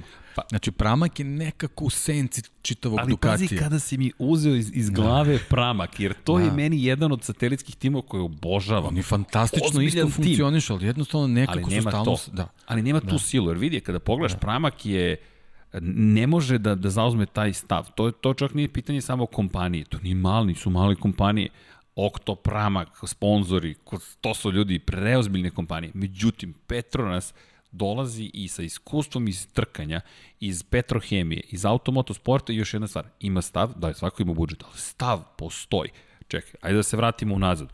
Petronas, pa možete u posljednjih 20 godina da se vratite u krug koliko god hoćete, to su ljudi koji su radili sa Karlom Fogartijem. Čekaj, seti se Petronasove boje Karl da. Fogarty, to samo za luđenici pamte Petronas FP1 to, stavit ćemo vam link u description Petrona da, tako, je, tako je počela njihova škola, tako to je, je, mnogo davno bilo. Tako znači, je. nisu oni od juče tu. Nisu oni o, o, tu od trenutka kad su ne, poželeli ne. da imaju MotoGP tim. Pazi, po Fogi Petronas FP1, to su sada primjerci muzejski eksponati da. koje kada nabavite, to je, a to čak mislim da neko ima u kolekciji otprilike da ih je prodavao bud zašto u jednom momentu jer nisu ljudi bili toliko zainteresovani. Danas nešto mi govori da... da nešto će situacija se promeni, da. da će, I ti sad pogledaj koje je to pedigre. Ali dobro, dakle, kada reč prosto, moram da, želim da se dotaknem i toga. Zašto? Pa Valentino Rossi dalje najveća zvezda šampionata. I te njegovi padovi i dramatično utiču na ono što se postavlja kao pitanje za narednu sezonu. Mada i dalje sam ubeđen da će mu taj, kažem, Petron, odlazak u Petronas prijeti i gledam naravno Franka Morbidelli iz perspektive borbe za titulu, jer tu je, dečko je tu u igri, ne znam ni šta da kažem sada za Petruće, ja, ja nažalost, koliko god da mi je drag i koliko god da je fenomenalno što je Petruće postigao, čekaj, razgovor sa mamom, razgovor sa mamom, ljudi, ko to nije pogledao? Pogledajte na društvenim mrežama Moto Grand Prix, gde mu daju telefon, a, čao mama, kako je mama? Mama je inače njegov veliki obožavalac. I mama je, što je dosta logično, je li tako? Da, dobro, to. Znaš kad je meni za prvi prenos majka rekla, pa dobro, nije bilo loše.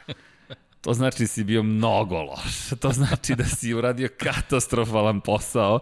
E, mama se ovog puta Danilu javila i rekla e, sve što mu jedna majka će da kaže. Ali ono što je meni bilo zanimljivo, njegova mama je vozila hiljadu i po kilometara svake godine do Lemana, zato što je brz Petrući u Lemanu, I ovoga puta nije mogla da dođe. Kaže, sad kad nije došla, sad sam pobedio. Ali, Tako to ide. Da. Opet taj marfi neki, da. Ali mnogo je bilo nežno. I to je ono što je divno. To su ljudi koji su upravo sišli sa motocikla 280 konjskih snaga. Vozili su u Le Manu, na čuvenoj bogati stazi, istorija. To je, to je to Moto Grand Prix, to je vrhunac, vrhunac. Ti si, to je dragulj prosto automotosportu. Ti pobediš protiv kakvih ljudi protiv Aleksa Markeza, protiv Pola Espargara, Andreja Dovicioza, Aleksa Rinsa, Valentino Rossi, ti voziš protiv ljutih vozača, završi se trka po kiši javi ti se mama i ćao mama. Da, pa ne znam, mislim, moguće da će ova, ova pobeda to malo ovaj, i njemu da, da pomogne vezano za, za samopouzdanje, jer generalno stvarno je lutao ovaj, tokom čitave ove sezone.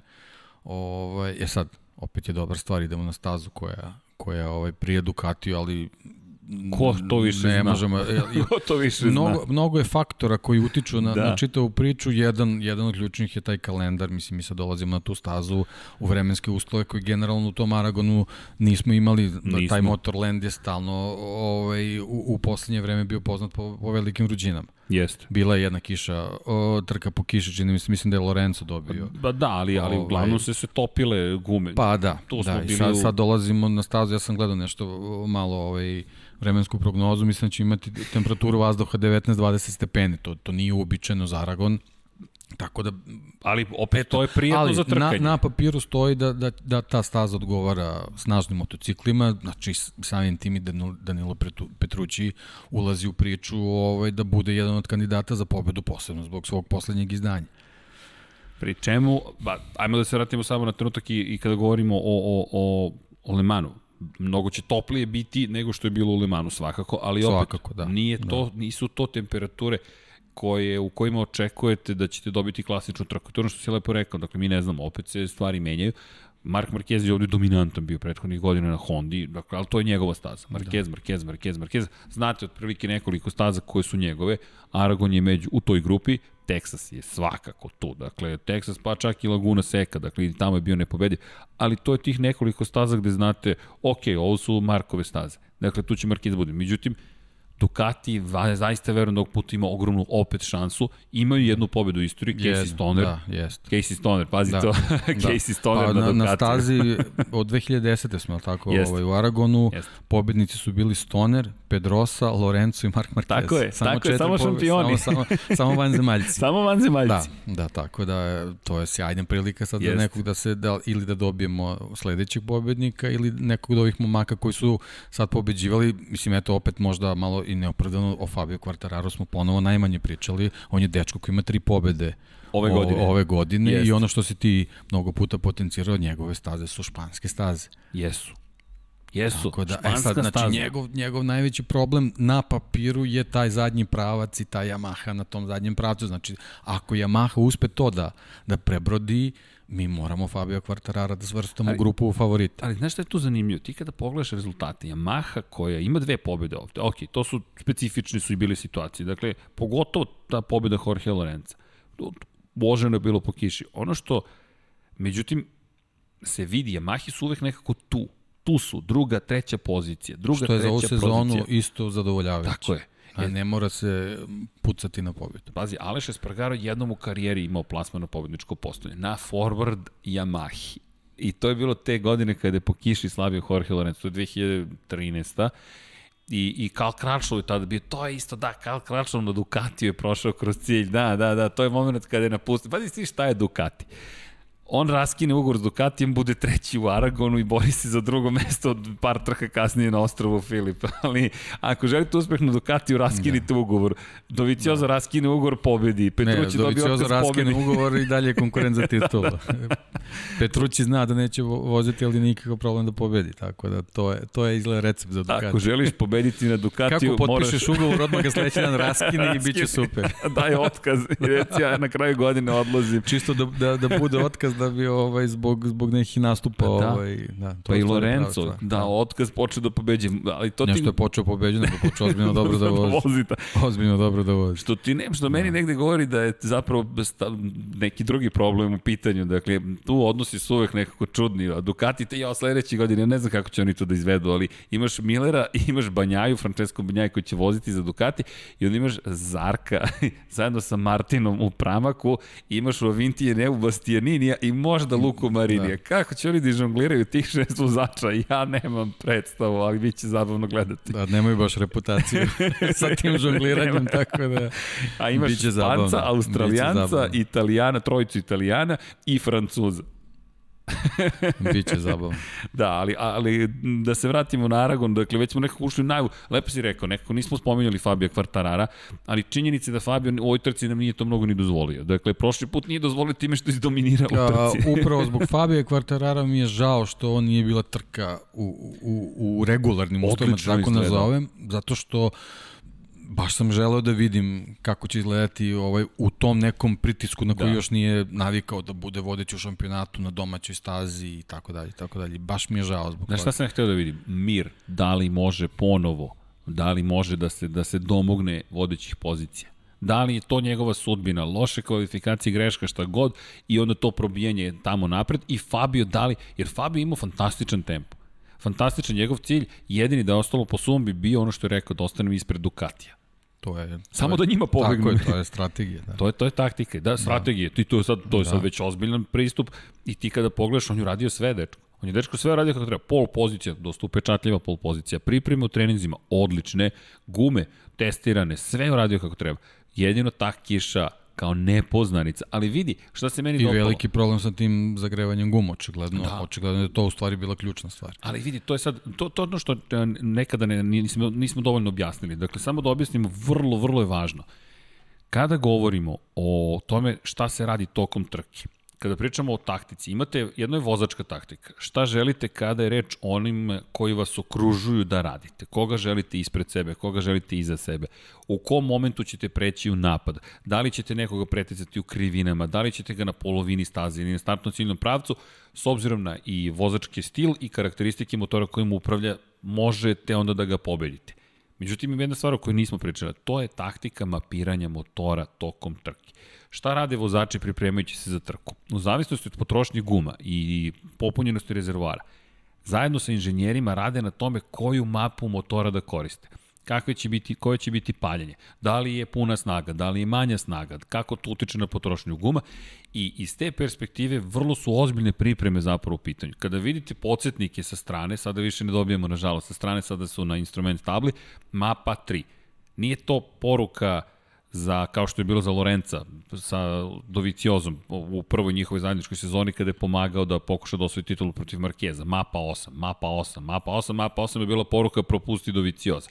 Ovde je zaista poruka, ta mapa je potrebna da, zato što u tom momentu želimo nešto da postignemo. Tako da, da kompleksne su pripreme, samo želimo da eto i to objasnimo, jer to je ono što sada isto pričamo. Da. Kako se on lepo pripremio zapravo za trku, makar na, na oko posmatrača sa strane. E, u, i, sam da se nadovežem, znači vrlo kompleksne pripreme, koje ozbiljno zavise od vremenskih uslova. Što su nezgodni vremenski uslovi, te pripreme pošto još kompleksnije i, i, i nažalost, eto, Kvartararo se desilo ono najgore što je moglo da mu se desi, da, da u, u poslednjim trenucima se to, ta, ta vremenska situacija promeni, jednostavno ne da nisu bili spremni za to, nego jednostavno nisu imali mogućnosti da odreaguju na drugačiji način. A znaš šta je zanimljivo meni još?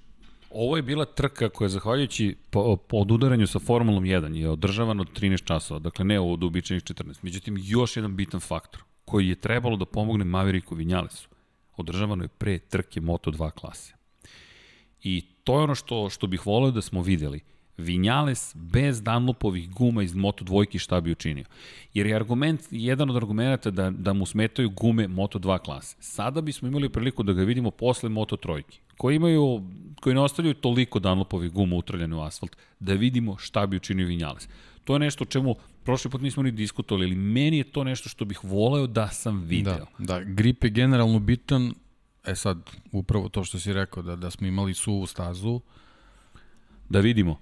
Jer Ali, treninzi... znaš kako, da je bilo bolje vreme, ne bi bilo nikih tih promena satnice. Pitanje je da bi bio Petrući, ko zna da, šta pa bi ne, se ne bismo imali jednostavno promenu satnica i to bi palo u vodu. Znači, Moto2 bi se vozio pre i, yes. i kraj priče. Tako da, jako, ali, jako je teško, ali upravo to što kažeš, baš bih volao da vidim da li to zaista, mislim... Po suvom. Da, ali, ali ja, ja verujem, mislim, on je stvarno, stvarno dobar, iskusan vozač, verovatno ima nešto, nešto veliko u tome, ali, ovaj, eto, nažalost, ne, ne možemo nikako da dobijemo priliku da vidimo koliko on upravo. Da, ne, to, to je to, to je nešto što stoji, ali i dalje je fenomenalno. Evo gledam, deki, to je toliko sve izmešano. Zarka smo spomenuli usputa, čovjek je peti prošao kroz cilj, njegov drugi najbolji plasman ove godine. U sred Francuske, mislim da je to veliki rezultat za Zarka. Zašto?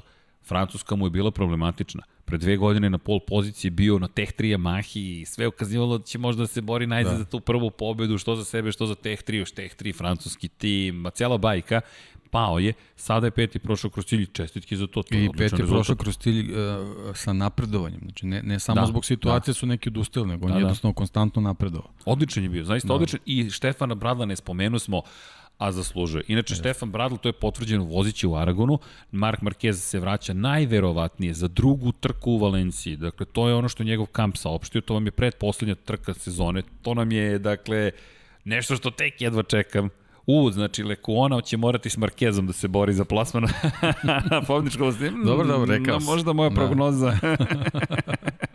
I nije da, tako da, dobra. Ćemo, vidjet ćemo. Da, ali, ali to je isto lepo čuti da Marquez već razmišlja o povratku na stazu, sada već ozbiljnije su te poruke i nekako vreme u, pe, u koje je najavljeno, to je period kada je najavljeno će doći, deluje I treninzi deluju ozbiljnije, sad tu je nešto, ja sam, danas sam malo to čitao, pa mi je i, i to palo na pamet, ovaj, indirektno.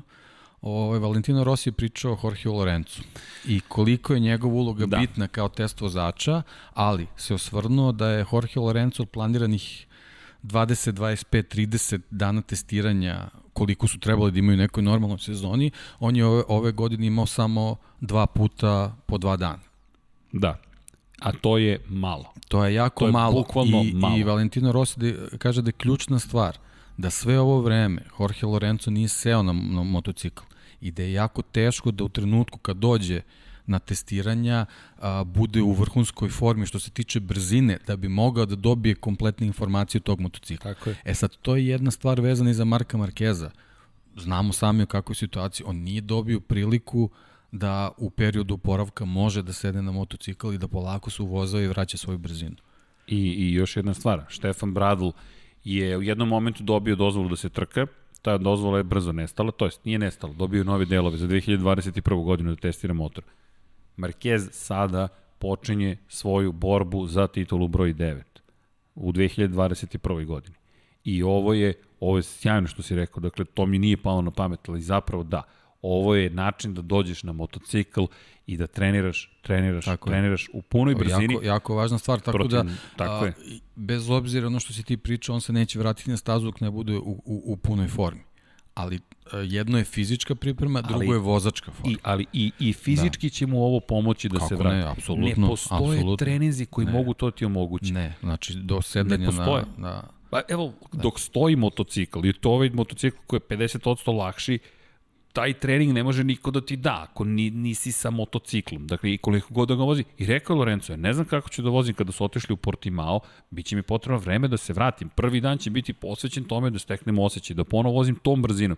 Jer ljudi, to je stvar treninga. Ti ljudi su neverovatni, ali isto tako, mozak, to je ljudsko telo je dosta efikasan sistem. Jel ti ne treba više ova hiperbrzina refleksa? Ok, počinjem da ukidam to. Jel ti nisi potrebni ovi mišići? Ukidam to. Jel ti nije potrebno ovo? Ukidam to. I onda dođeš posle šest meseci i jednom ti si kao Novajlija ti si zarađao, to je ono što se stalno priča. Lorenzo je jednu od svojih titula potencijalnih izgubio zato što je bio dežmekast kada je počeo sezon. I on je rekao, neću više nikada ovo sebi da... Bukvalno čovjek je dobio obraze, dobio stomak i, i došao na prvu trku sezone. Da, zapravo pred sezonska testiranja ti ga gledaš i razmišljaš, ok, ovo je 5-6 kg dodatne mase za početak. E, zato je, zato to je, je ovaj, sve to što si rekao, odličan zaključak za priču, priču vezano koliko je značaj pojavljivanja Rosijeve akademije za sve vozače koji dobiju prilike da voze razne motocikle. Znači tamo možeš da voziš i supersport, i motocross, i, i minibajk, i a, jako je važno da se uvozavaš na taj način. A, a po ovogodišnjim rezultatima u svim kategorijama vidimo koliko italijanski vozači iz akademije koliko su napredovali. Mnogo su napredovali. Mnogo su napredovali. Mnogo. Imaš nekoliko stvari. Dakle, inače meni je fascinantno kada se već spomenuo Akademiju Valentina Rosija, Enea Bastianini odlazi na ranč takođe, bez obzira što nije član Akademije. Uh, Vinjales je bio na, na, na Takođe, ranču. na poziv Valentina Rosija. Mark Marquez je bio prošle godine. Jest. Znači, to, to su I neke stvari priča, koje da, vozači prepoznaju koliko je važno. To je isto ta čuvena priča. Mark Marquez i Valentino Rossi imaju odnos kompleksan. Kompleksan odnos. Dakle, ne bih to nazvao poštovanjem, ali bih nazvao e, poštovanjem možda ne jedan prema drugom kao osobama, ali kao entitetima onome što predstavljaju i što znaju i umeju da i odlazak na ranč postoji. To ne znači da sutra na stazi neće opet biti žestoko između njih ili da izjave neće biti direktno uperene jedan protiv drugog u cilju pobeđivanja na stazi. To ti ono Đoković, Nadal, Federer. Tako je, vidi, oni će svi biti drugari sa kao veterani. Pa naravno, naravno. A zamisli ih samo kad budu na veterans turu, to je isto neminovnost za 10, 15, 2, mada oni pitanje da će ikada otići na taj tur za veterane, ovi ljudi su ne ništa. Jesi pratio, dakle, vidi, da, hteo sam da Đoković pobedi, ali gledaš Nadala i možeš samo da kažeš wow. Šta radi taj čovek, šta radi generalno ti ljudi? 20 Grand Slam titula, to je neverovatno. 17 ima Đoković, 20 ima Federer, sada 20 Nadal. Čemu mi prisustujemo u ovom momentu? Ja, ja se opet naježem, mi smo u eri Moto Grand Prix u kojoj uživamo, a ova trojica neverovatnih ljudi ima 57 Grand Slam titula. 57 da. Grand Slam titula. Talenat, ali pre svega ogroman rad. I, I posvećenost. I to je, to je to što sad, da se radi Markeza. Da, tako znači, je. talenat, to je sve nesporno, to je to. sve super, ali njemu prestoji ogroman rad da bi se vratio na, na poziciju I on gde, to gde treba da bude. I on to radi. Da. I mislim da će biti još bolje nego što je bio iz jedne druge perspektive. Prvi put u životu je doživeo ranjivost. Mislim da smo ti ja prošli te faze, da. bili smo klinci ko ja, mogu sve, daj, više, 5, 7, 10, 100 stvari u isto vreme, dok u jednom trenutku telo ne otkaže. I kaže, čekaj, imaš i ti rok trajanja i imaš svoje granice. Ali kako? Ja sam omnipotentan, ja imam 23 godine. Čekaj polako. Marquez ima 27, mlad čovjek. Da. I telo mu kaže stani. Ali mislim da je naučio da bude strpljiv. Da, da, da je naučio nešto što do sada nije imao, nije ni morao u krajnjem slučaju. Kotov je bio neuništiv. Imao je jednom situaciju sličnu 2011. godine, pad u Maleziji, kada je malo nije ostao bez vida. Dakle, udarac je bio tako žestok da on nije dobro video sve do februara naredne godine. To se desilo u oktobru. I tada je moral, tada je ipak i dalje bio klinac, još i tek imao 18 godina, sada sa 27, kad odjednom tvoj san je potencijalno ugrožen, ti moraš da naučiš nešto. Mislim da će biti još, još veći vozač, to je kompletniji vozač naredne godine. Ali divan komentar, nije mi palo na pamet, to si 100% u pravu. Uvozavanje. I s kim se uvozavaš? Sa najboljim da. od najboljih. Alex je isto rekao vezano za ovaj motocikl, da oni jednostavno ove godine njegov, njegov utisak nisu imali dovoljno vremena da se upoznaju sa, sa Hondom za 2020 a, možda se sve svi ti spletovi okolnosti desili ovaj upravo iz tog razloga vezano za povredu što što ni što ni Mark možda nije dovoljno dobro upoznao taj motocikl. Jasno. Jasno, tako da, to je... Tako da sad je veliko pitanje ove, ove finiš sezone, ali a kad se vrati, kad sedne na njega, šta će, šta ali, će u stvari da rade? Ali sedaće na motor koji ima delove već za 2021. Što znači ti možeš svesno da žrtvuješ poslednje dve trke sezone, svoje trke, zarad što sebe, što cele ekipe. Tebi dolazi naredne godine Paul Espargaro, imaćeš novi izazov, ti, on i za to mora da bude spreman. A Paul dolazi posle nikada bolje sezone i pokušava da se nametne. Paul Espargaro je poznat kao agresivan vozač. Verujem mi da on mnogo naučio napredovu KTM-u, dolazi u Repsol Honda. Repsol Honda je jedan poseban, poseban tim i, i zasluž, zasluženo. Dakle, kada govorimo o velikanima, rekli smo i pre nekoliko podcasta smo pričali, što Duan, što Rossi, što Marquez, što Stoner, pa to su imena koja se pamte. I ti sad dolaziš u te boje. Dani Pedrosa takođe, nije osvojio titulu. Dani Alex Krivije. Alex ne, ne, možemo da ih napravimo. Koliko da, hoćeš. Da, da. Samo Niki Hayden. Da. Čekaj, Niki, te, evo da. nam je zastava. Malo smo promenili, evo ga nam ga Niki, pamtimo Nikija. I uvek sa osmehom na licu. Tu nam je i Van Helenizovana gitara, vidi, to će ostati, ja sam ti rekao, trajno. I to na ruti 66. I znaš šta, svaki put mislimo nešto, hoćeš da idemo na rutu 66. To da bude Lab 76 po ruti 66. I onda dodamo još neku rutu 10. Što se meni tiče sutra možemo da Može. krenemo. Da, znači da, East Coast, da. West Coast. da.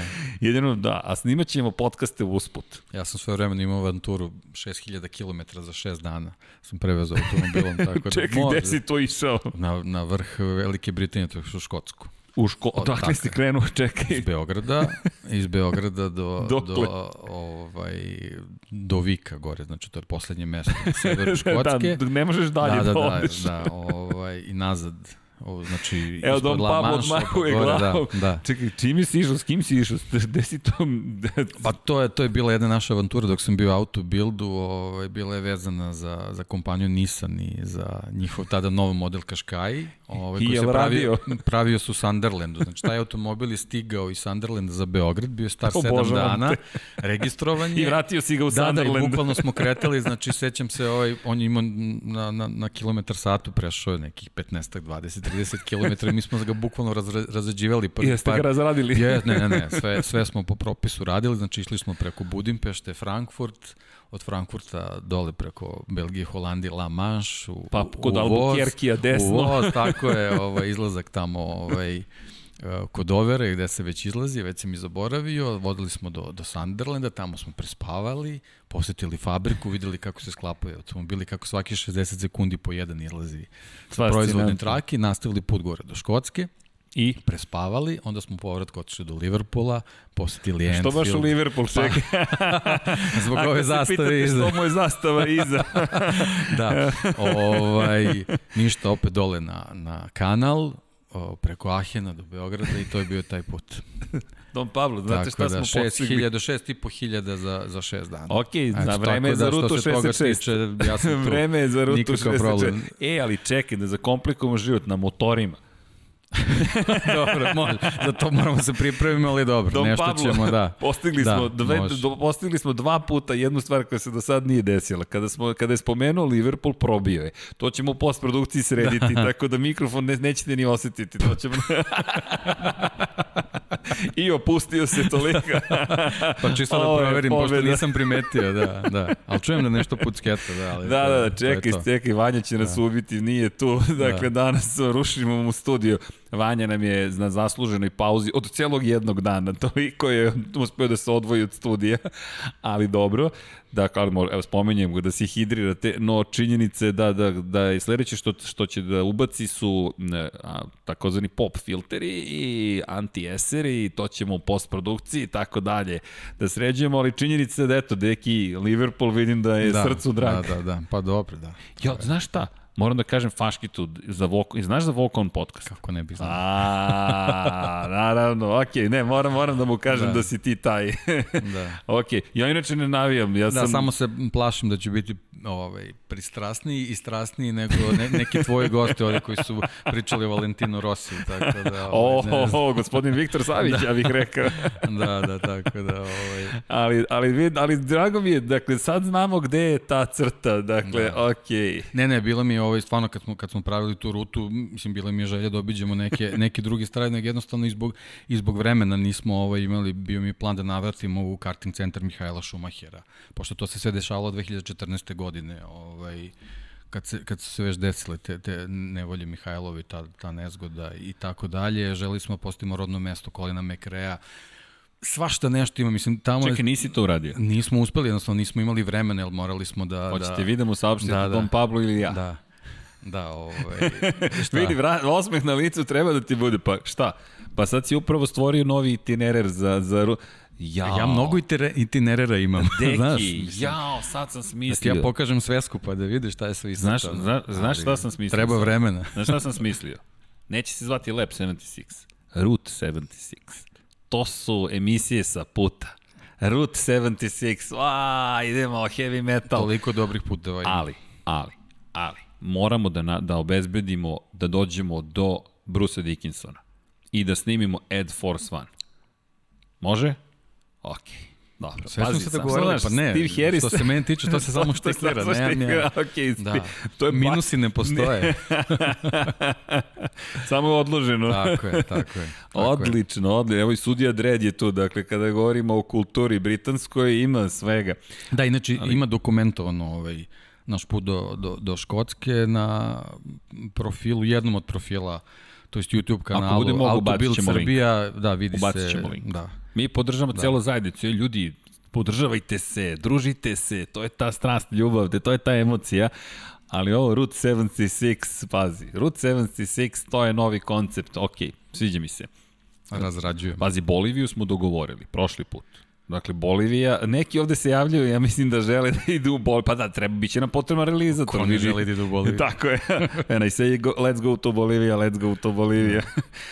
Da, pokušam da, da nam nađem put nazad do, do, do, do Moto Grand Prix-a, ali suviše mi je zabavno, tako da ne zamerite, ali to su naši podcasti, mi uživamo u ovom životu i tako da se nadamo da je uživate i vi, no činjenica da ima tih puteva, ali šta sam to ti kažem, što se tiče MotoGP-a, zaista želim da odemo i do Borgo Panigale, a hoću da odemo i do Japana, hoću da snimimo sve te stvari koje su nevratne, svakako u Austriju, Noale, da posetimo Apriliju, dakle, tri fabrike možemo lakše da posetimo, budimo realni. Austrija, Italija i onda daleki istok iz naše perspektive da vidimo gde se sve to desilo. I samo da te vratim na sekund, dakle, mislim da je naša publika navikla da je Digris je jedna čudesna osobina koja, to je čudesna stvar koja živi. Mihael Schumacher, veliki si poznavalac, ljubitelj Formule 1, automotosportu generalno, izjednačen je rekord, Sam, samo pričat ćemo o tome verovatno i u međusezoni više, ali meni je bilo dirljivo da vidim Mika Schumachera kako predaje kacigu. Ne, sjajan gest, posebno što po reakciji ovaj, Luisa Hamilton delo stvarno da, da, da nije, da, nije da, bilo dogovoreno.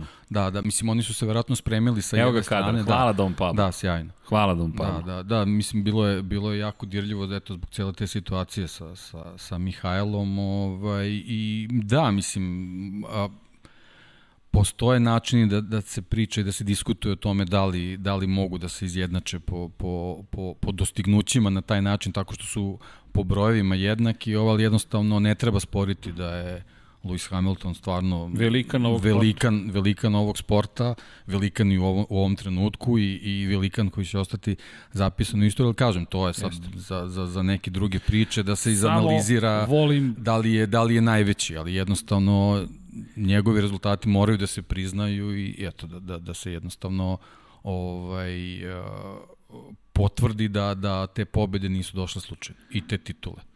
Nisu Naravno. došli slučajno. Apsolutno nisu došli nisu. slučajno. To se ništa to se ne događa slučajno. To je ono što smo spomenuli sa svim ovim momcima koje, koje smo rad. malo pre ovaj, znači, ogroman rad. Talenat super, ali ogroman rad mora stoji za toga. I sad si mi otvorio prolaz nazad do Aragona. Dom Pablo me upozorao da ne lupam po stolu pošto to ulazi u prenos, ali ne zamerite. Vratili smo se gde? U Moto Grand Prix. Mark Marquez. Dakle, prispirovat će se za 2021. Ima fizičke pripreme, psihofizičke pripreme, Dakle, bit će interesantno, sumnjam da uprkos tome što su to samo pripreme, neće pokušati da bude najbolje izdanje sebe. I da neće pokušati Honda da donese nešto što Honda još uvijek nema ove sezone. Pobedu. Da. Nema pobedu. Nema pobedu, ali eto, mislim, ima još do Valencije. jeste, jeste, Valencije daleko, ali ovaj, moramo i na njih da računamo vezanih za Aragon. Da. Da, pričamo da je Aragon ovaj, staza za snažne motocikle, Honda je pokazala da je Takaki da na Kagami, da. zašto da ne? Da. Ima, videli smo u, na Red Bull ringu da je bio u borbi za plasman na pobedničko postoje, legitimno i da je pričao o tome i da je posle toga pričao o pobedi. Dakle, to nije nemoguća stvar. I, i nadam se da ćemo vidjeti Karl Kračul. Karl Kračul po suvom mislim da bi imao mnogo bolju trku. Eto, nismo ga spomenuli. Karl Kračov koji na kraju opet, samo 13 pojena cele sezone, ali da. Kali izgledao veoma dobro. Ali bio je tu. Bio Jeste, tu. bio je tu i bio Honda je, je dobro funkcionisala. Pazi, Alex je završio na Honda je na poziciji 2. Takaki Nakagami standardno dobar sedmi, Kalko je bio sve bolji i Bradal osmi. Kažem, pohvale za Bradla, ostaće, odatle smo i krenuli ka Markezu, ostaće u ekipi, Dakle, u Aragonu će voziti, imamo dve trke u Aragonu sed, nedelju za nedelju, sedmicu za sedmicom, dakle, velika nagrada Aragona, velika nagrada Teruela, dakle, opet, geografske regije, da, regije da, se da. pokrivaju da. ove godine vrlo aktivno i moram priznati mi je drago što, što imamo toliko trka, 14 će ih biti na kraju, 9 iza nas, 5 do kraja, dve idu vrlo brzo i onda kratka ta pauza pre nego što je zaista sprint na kraju. Ja i dalje smatram da smo ušli u završnicu. Psihološki mislim da smo ušli u završnicu, bez obzira što ima još, još dovoljno trka da se sve promeni, ali psihološki mislim da je ovo da je ovo zaista bio početak kraja i, i, i da sad ulazimo u taj... Da, evo sad ulazimo, znači ovo je poslednja trećina. To je to. To je to, je to, to. i ovaj, jednostavno i, i, i ekipe su u formi, vozači su u formi. Uh, ovde je jedini ovaj problem što su jako kratka vremena između trka, pa nedostaje ta priprema kakva bi inače uobičajeno bila, ali bože moj, mislim, svima je, svima je jednako, tako da ne, ne, ne moramo tu da sada tražimo neke razloge za, za bilo šta vezano za neuspeh i uspeh ili, ne, ne, ne. ili kako god, sad ali... Si u tempu, da, sad je da. i tempo isti za sve. Da. Ali jednostavno zbog svega šta se dešavalo, mi ne, ne možemo da, da nekog izvojimo da kažemo da nije favori da će nešto da uradi. Taman sam rekao da. Kvartararo protiv uključujući, Mira. Uključujući, da, uključujući Aprilija. Nema od toga ništa. Uključujući Aprilija. Aprilija, kažem ti, Aleš je imao tu odličnu trku, Aprilija je sve bolje i bolje. Aleš očigledno vrlo dobro poznaje Aragon kao stazu, o, čini mi se da je deseti bio, ovaj, to, je, to je neki njihov najbolji, najbolji rezultat, čini se prošle godine ili nemoj me sad držati pa. za reč. E, u, u svakom slučaju mi je, mi je u glavi da je Aleš ostvario odličan rezultat za april upravo u Aragonu, tako da ovaj, e, mislim da, da ne znamo šta možemo da očekujemo od njih, ne možemo da pričamo o nekim vrhunskim rezultatima, ali, ali o dobrim bodovima možda čak možemo Aragon i to da pričamo. je njegova najbolja staza. Eto, eto, Šesta da pozicija, da. inače to najbolje mesto koje su ostvarili. Međutim, nije to samo jednom. On je konstantno među 6-7 najboljih. Inače, šesto mesto u Kataru pre tri godine je bio sjajan početak sezone za Apriliju. Te godine nijedno više to nije ponovio osim u Aragonu. Naredne godine u Aragonu šesti. Dakle, govorimo o dobrim rezultatima. Prošle godine u Aragonu sedmi na Apriliji, a ove godine Aprilija bolja. Da. Upravo zato, znači to je to je to je nešto što Znaš, što im daje za pravo da i oni ovaj kad se imaju tamo mogu da se nadaju da mogu imaju, nešto da urade. Još i, još je da... Španija, a bio loš u Barseloni. Ja sam siguran u dobar rezultat od te druge pozicije 2013. On je 6. 7. 7. 6. to su to su rezultati, šesti. Dakle, on ne ide ispod sedme pozicije u Aragonu još samo malo da se da. otvore stvari. Ne znam, vidjet ćemo, vidjet ćemo taj jedan, taj jedan krug na tim prvim trenizima će možda nešto nam kaže vezano za vremena, ali očigledno je da će njima najvažniji biti trenizi u kojima će simulirati trku. Da jednostavno vide, vide o čemu se radi. Ovaj, sad, posle svih ovih vozača, znači ponavljamo se iz podcasta u podcast, posle svih vozača koje smo nabrojali, šta je dobar rezultat? Ali kako da se ne ponavljamo? Jako je teško baciti su tu grupu, posebno kad su idealni uslovi na stazi. Nikada nismo to je veliki problem. sezonu. Da, mi ovde, da. mi sad, evo, baš smo gledali plan, mi, mi nemamo pauzu, dakle, kada je reč o naizmeničnom, imamo, imaćemo još jedan vikend pauze za Moto Grand Prix. I to je to. Kada je reč o Formuli 1 i kombinaciji Formula 1 i Moto Grand Prix, nema pauze. Do 13. decembra mi suštinski nemamo pauzu ne žalimo se, ali to su da. dva meseca gde priče, pa ne mogu priče toliko da se promene od nedelje do nedelje. Teško će se promeniti, ali mi ćemo i dalje da uživamo da, u pričama. E sad, ako pričamo o nekoj psihologiji, možda su sad u najpovoljnijoj situaciji generalno vozači Španije. Mislim, I tu su, usvojeni španac Fabio Quartararo. I usvojeni španac Fabio Quartararo. da, to je Igor znači, imamo, imamo Španiju rekao. i Portugal, samo to je to je, to je neko tlo gde se vozi. se na Oliviru. Da, da o, to je neko tlo gde se vozi, tako da, eto, mislim, dobro, imam, Sjajno. imam njih dosta u šampionatu, ali, ali možemo A da kažemo da je to domaća staza i za, i za Mira, i za Rinsa, i za Espargare, i Vinjalesa. I Vinjalesa To je stvarno, samo kažem, eto, to je vezano za Yamahu, tu je samo problem ta brzina na tom zadnjem pravcu, to ćemo videti. I onda to, posle dve trke, izvini, u Aragonu, opet dve trke u Španiji, to su u Valenciji, Kirlekona na, na poziciji broj 3. Da, na drugačoj konfiguraciji potpuno. Evo, smeje mi se da. Don Pablo čak i glasno. Ali, da. imamo mi još dve kategorije. Da, inače, jedan od zahteva je bio da objasnimo razlike između kategorije Moto Grand Prix, Moto 2 i Moto 3. Ukratko ćemo ih opisati, ali to su nam neke od emisija koje spremamo za među sezonu. Dakle, ne da. samo podcaste. Podcasti su podcasti, tu ćemo da se ispričamo, dolazit će nam drugari, dolazit će ljudi koji se više, manje razumeju, koji vole pre svega Moto Grand Prix. Nije samo pitanje koliko je neko ekspert ili koliko zna Naravno, nešto. ma naravno. Koliko naravno. volite to. Naravno. Mi smo ovde na ljubavi zasnovani, ali suštinska razlika je relativno jednostavna. Dakle, krenut ću od motora sa unutrašnjim sagorevanjem. Svi su s motorima na unutrašnje sagorevanje, imaćemo i motor električni za kraj emisije, nemojmo zaboraviti, novog šampiona smo dobili Jordije Torresa, kakav ludački vikend u Moto E klasi, ali ono što je bila osnova je su motori su unutrašnje sagorevanje. 1000 kubika za Moto Grand Prix klasu, 765, objasnit ćemo zašto za Moto dvojke i 250 kubika za Moto trojke. U Moto Grand Prix kategoriji imate prototipe, to su prototipe od glave do pete. Motor, menjač, šasija, ram, sve, sve, sve su prototipi. Michelin je jedini proizvođač guma, jedini proizvođač guma, imate šest konstruktora, dakle i kada je reč o šasiji i motoru, tu nema razdvajanja, sve proizvodi Honda, sve proizvodi Yamaha, sve proizvodi Suzuki, sve proizvodi Aprilia, sve proizvodi Ducati, sve proizvodi KTM. To je ti šest proizvođača. Imate ukupno 11 timova, neki privatni, neki satelitski, koji iznajmljuju motore od proizvođača. Zatim, u Moto dvojici, jedan proizvođač motora, samo jedan proizvođač motora, Triumph britanski, koji ima trocilindrični od 765 kubika motore. Četvorocilindrični su inače u Moto Grand Prix. Imamo proizvođače šasija, Kalex koji je broj 1, nemački Kalex, imate italijanski Speed Up, Luke Boskoskura, to se uvijek nasmijem, Luka ima pet zaposlenih i neverovatno su konkurenti, imate NTS koji nam dolazi iz Japana i imate MV Agusto koji dolazi iz Italije. Bio je KTM, odustao je KTM, bilo je tu i Sutera, bilo je tu i, i, i Motobija, bilo je tu ranije i, i Morivakija, svašta smo tu gledali, međutim, odustali su. Dakle, to, to FTR je čak proizvodio motore ali pojenta je, jedan motor, više proizvodjača šasija.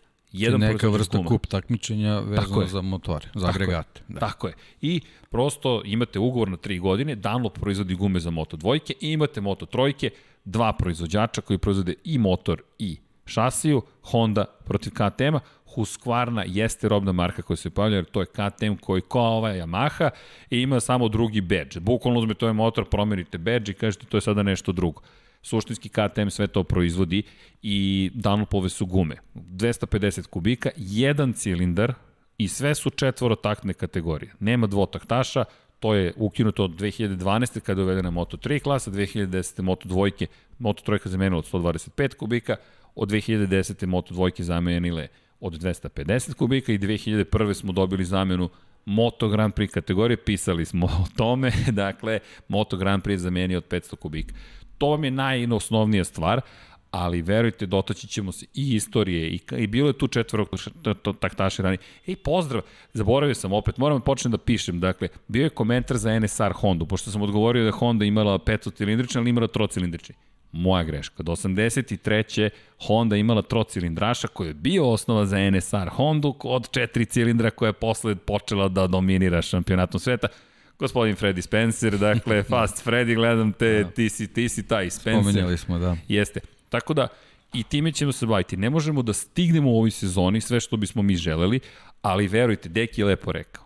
Nema minusa, samo je pitanje kada ćemo sve to obraditi i pokriti dužno poštovanje odati svakoj od tih fabrika. Nisam ni spomenuo Pjađu grupaciju, koja pripada Aprilija, samo na kratko. Šta je sve Aprilija proizvodila? Derbi, Gilera, To su samo neke stvari koje, ću, koje ćemo obrađivati. Sada smo fokusirani prosto na trke zato što ih ima toliko. I, i to, je, to je to.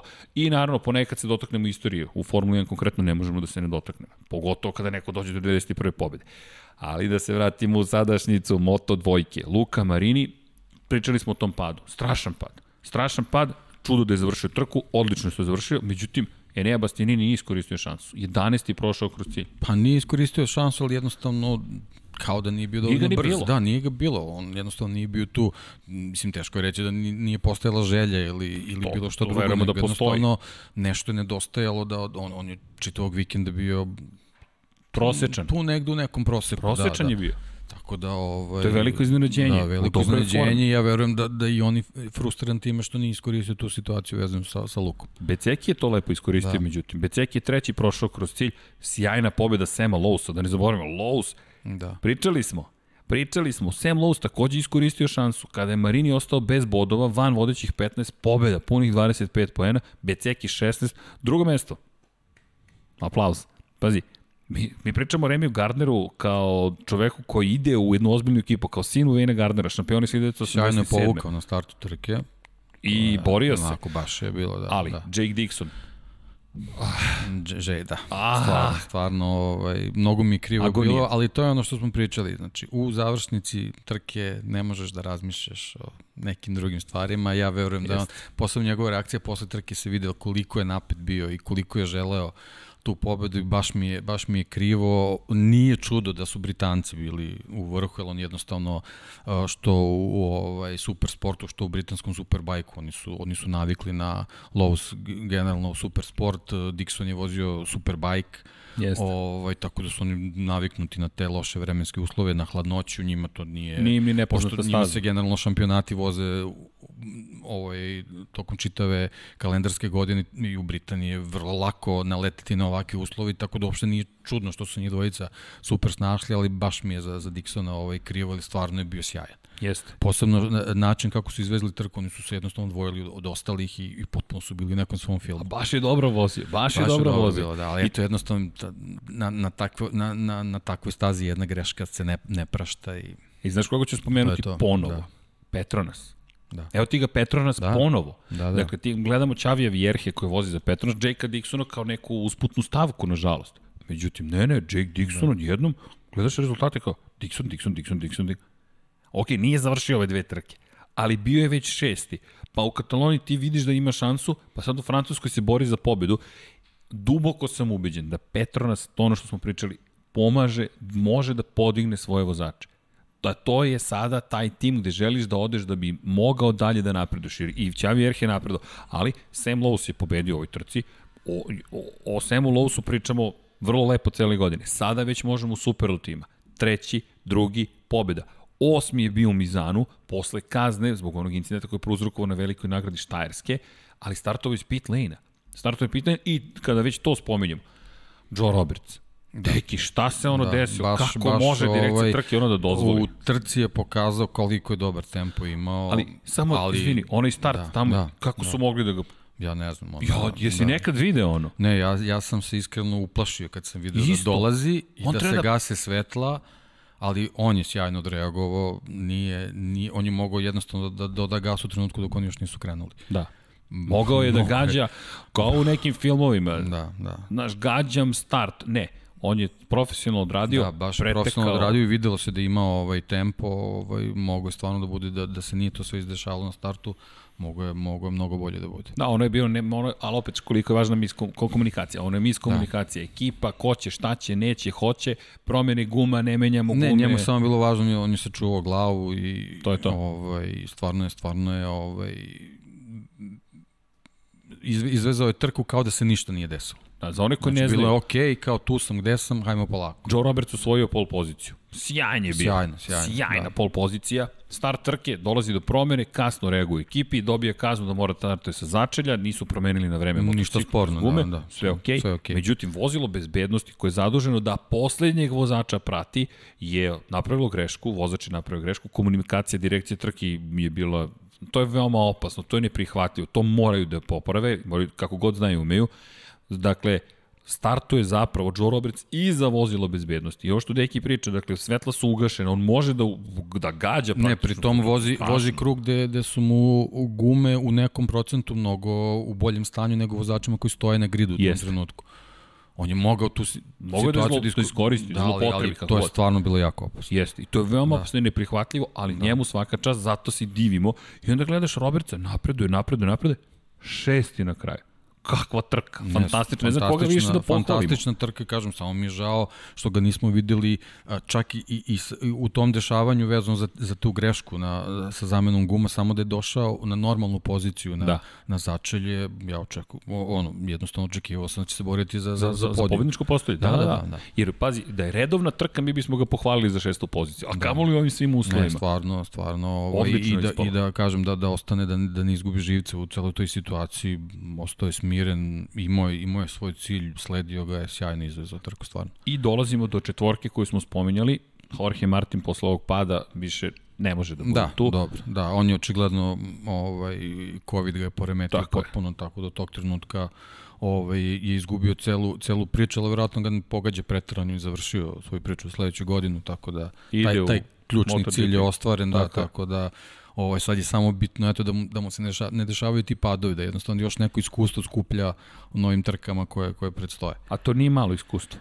Znaš, ti treba da odeš ipak u najjaču kategoriju na svetu. Ti treba da odeš među... A i koje sad dosta liči na ovo. na, na, na Moto2. Da, da, da. Dosta liči da. na Moto2. I ti moraš da odeš među najbolji od najboljih i da se boriš sa njima. Ni malo lako i, i slažem se s tom, mora da završava trke. Zaista mora da završava trke, ali kada je reč o šampionatu, više prosto ga ne posmatramo kao potencijalnog kandidata za osvajanje titula. A matematički jednostavno, a, sad je tu teško... 71 poen. Tako, teško je sad Dosta pričati da, da ta ekipa koja je sad u vrhu, da baš niko od njih neće završavati sa trke koje slede. Marini 150.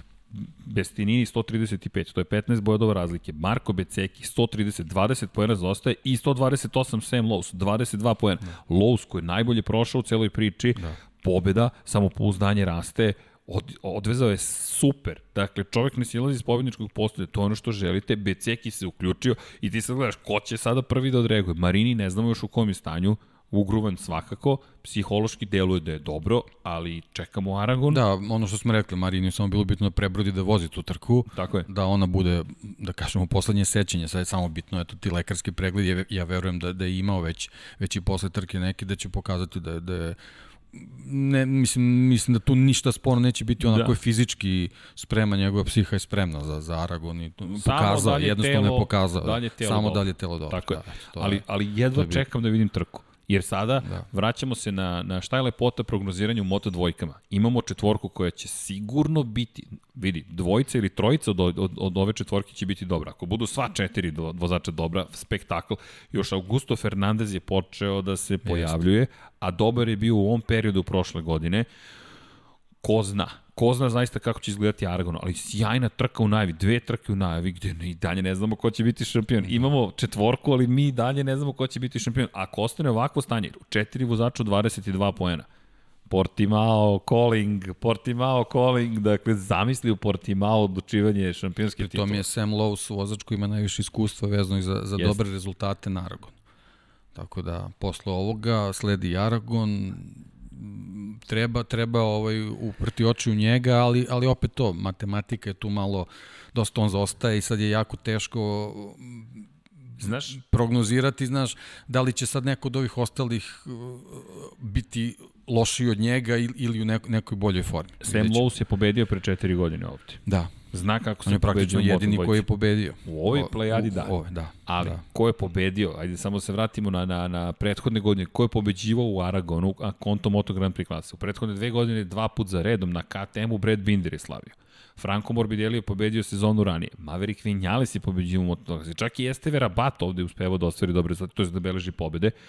Andreja Janone nema, da Andreja Janone, to isto čekamo, da. da, da, da, to bi sad već trebalo da, da, da, da saznamo šta se događa.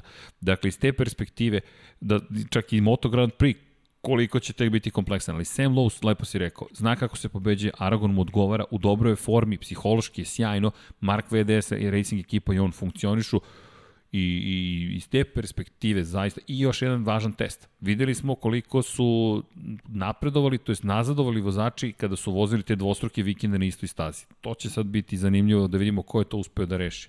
Da. Ali opet... Pa iz, iz ovoga, znači sve što si naveo iz, iz prethodne trke, uh, Sam Lowe je u najboljoj poziciji, uh, Uh, VR46 tim uh, Beceki se sjajno snašao, to, to, to si rekao, sa Marinijem samo to da vidimo, znači fizička priprema, uh, fizičko stanje u stvari, da li, da li je okej okay, i to je od, od te četvorke Bastianini u naj, najgoroj poziciji je. ili jednostavno njega nigde nije bilo. Sad, da li je, da li je do, do vremenskih uslova, da li je do priprema motocikla, da li je do samog motocikla ili do njega. Znači, to je sad nešto što moramo da vidimo već, već čim stignemo u Aragon ovaj, kako će se, od, kako će se odvijaju stvari. A slična situacija je u Moto trojkama. Kada pogledaš, međutim, šta je, pričali smo o Albertu Arenasu, a i o Guri. Ajogura je pao u formi, Albert Arenas treći prošao kroz cilj u Francuskoj, poveo ponovo u šampionatu sveta, šest bodova prednosti odnosu na Ajoguru koji imao dve veoma loše trke, 11. i 9. Još imaju sreće da bude 9. Koliko je bilo grešaka ostalih, zapravo je napredovao. Dobro, bio je konstantan. Ako ništa drugo, Ako, bar da, se nije da, mrdalo. Da, da, da, tako je. Međutim, šta se je promenilo? Celestino, Vijeti i Toni Arbolino su ušli u bitku za titulu šampiona sveta. Arenas i Ogura nisu mogli da traže gore protivnike. Dva italijanska vozača Celestino, ne znamo sad šta donosi budućnost, ali Toni Arbolino odlazi. Ide u Liqui Moly Intact Grand Prix ekipu, zamenit će Toma Lutija, Luti ide u Stop and Go Racing u Moto2 klasi i ti sad gledaš, čekaj u poslednje tri trke, Celestino Vijeti. Drugi, osmi, prvi. Pogledaš rezultate Toni Arbolina, 11. drugi, drugi. To je već ozbiljan sada napad na obojica, pozicije. Obojica su dobro, dobro izgledali, pri tom Arenas nema, nema šta da mu se zamerim. On je, on je da je Dobra na trka. ovaj način ušao u neke prethodne trke, možda ne bi sebe doveo u ovu situaciju. To ono što si ti pričao. Da. Da, njegov start nekih prvih nekoliko krugova u, u, u, ovaj, u Le Manu je zaista, zaista impozantno izgledalo. Jednostavno nije dobio priliku, nije mogao da se odvoji. Jednostavno nije mogu, jako je teško voditi taj karavan, pokušavajući se napravi neka, neka prednost. Pri čemu govorimo o neverovatno brzim krugovima. Jeste. Nivo je skočio u Moto3 klasi ove sezone. Dakle, početak je bio škripav. Ma, ko, šta, gde, kako.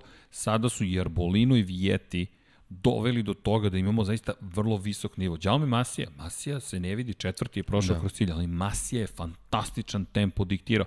Masija mora da reši druge probleme. Dakle, mora da reši tu završnicu. Kako da se postavi u završnici. U duelima prečesto gubi, kažem, opet pozicija koja ne oslikava njegovu brzinu. Sedmi, peti, sedmi, tre, četvrti. Nema ga na pobedničkom postoju, on je vodio svim tim trkama, on je bio tu. I Masija, mislim da će takođe odigrati ozbiljnu ulogu, ali šta ćeš ti sada sa Vijeti koji beleži drugu pobedu u karijeri, drugu ove sezone. Meni će Vestino Vijeti deluje kao... Pa i Vijeti i Alborin. I Arbolin. Arbolin, da. Oni mi deluju ovaj, po trenutnoj formi da... Tako mi deluju bolje, Jeste. od Ogure svakako, Jeste. ali mislim da će ugroziti Arenas. Da. Ne, Arenas da... jednostavno, ja, ja mislim da, je, da on na ovoj trci uložio sve, sve što je mogao i, i tako, tako će ići. Mislim, on je stvarno iskusan vozač, pričali Jeste. smo od početka, to, od prvog podcasta, mislim, on generalno ne bi tu trebao ni da bude. Trebalo bi da bude on je stvarno, stvarno neka, neka priča za moto dvojke, neki super bajk ili već ne, ne znam ja šta, mislim, stvarno neki logičan napredak u karijeri, jeste, jeste, jeste. ali ova trka je stvarno bila, on je sve uradio šta, šta, je, šta je mogao, ali jednostavno takve, takve su trke, pri tom nismo ni spomenuli ni, ni McFija, ni nismo Bindera. Nismo da ga se dotaknemo još. Da. Dva pada Johna McFija da. za redom. Ja se, s njime, s njime problem što a, on je na trkama pokazao da ume da ide na sve ili ništa. E on sad već dolazi u situaciju da kad dođe na stazu to je već zna se da se mora nešto da se uradi. E sad, ako, ako dolazi u situaciju da je sve ili ništa, to je za njega očigledno problem. Ovog puta ima i nesrećan slučaj. Jeste. Ti kada pogledaš ima i nesrećan slučaj, bukvalno. Da. Dakle, ima si situaciju u kojoj zapravo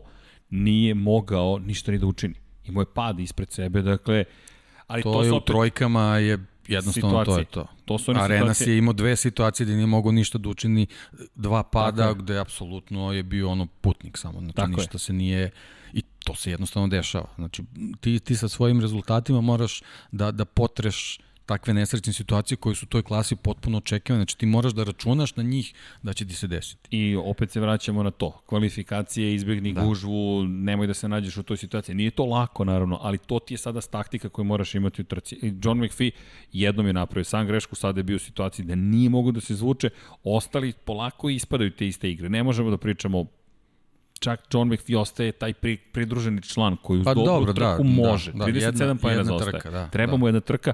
Masi je na 52 poena, Gabriel Rodrigo završava trke, ali Rodrigo kad završi trke nije u vrhu. I to je, to je nepromenjena stavka već treću godinu za redom. Bojim da, se da je daleko, kasno. Tako je. daleko. I onda naravno Raul Fernandez koji, za kojeg me pitaju šta je sa Raulom Fernandezom. Ja zašto ističem Raul Fernandeza? Ljudi, on je stalno najbrži na treninzima i znamo da će u trci biti 6. 7. 8. Ja ću to svesti isključivo na iskustvo. Dakle, naredne godine očekujte Raula Fernandeza mnogo bolje. Ako vratite se kroz istoriju i Arbolina i Vijetija, Vijetija ne manje pošto nije toliko dugo u šampionatu, ali svih vozača imaju taj, to ja to svodim na psihološku barijeru i možda plan ekipe. Ekipe znaju šefovi tima da kaže, slušaj, tvoj posao ove godine završiš trku Ne želim još da mi kreneš u te bitke, hoću da mi završavaš trke. Ne šalim se kada to govorim, deki, ti znaš o čemu pričam. Dakle, to su sad pristupi gde kažu ne, tvoje da završiš trku, završi trku, završi trku. Ove godine hoću da završiš sve trke, naredne, e naredne idemo da se borimo za pobjede.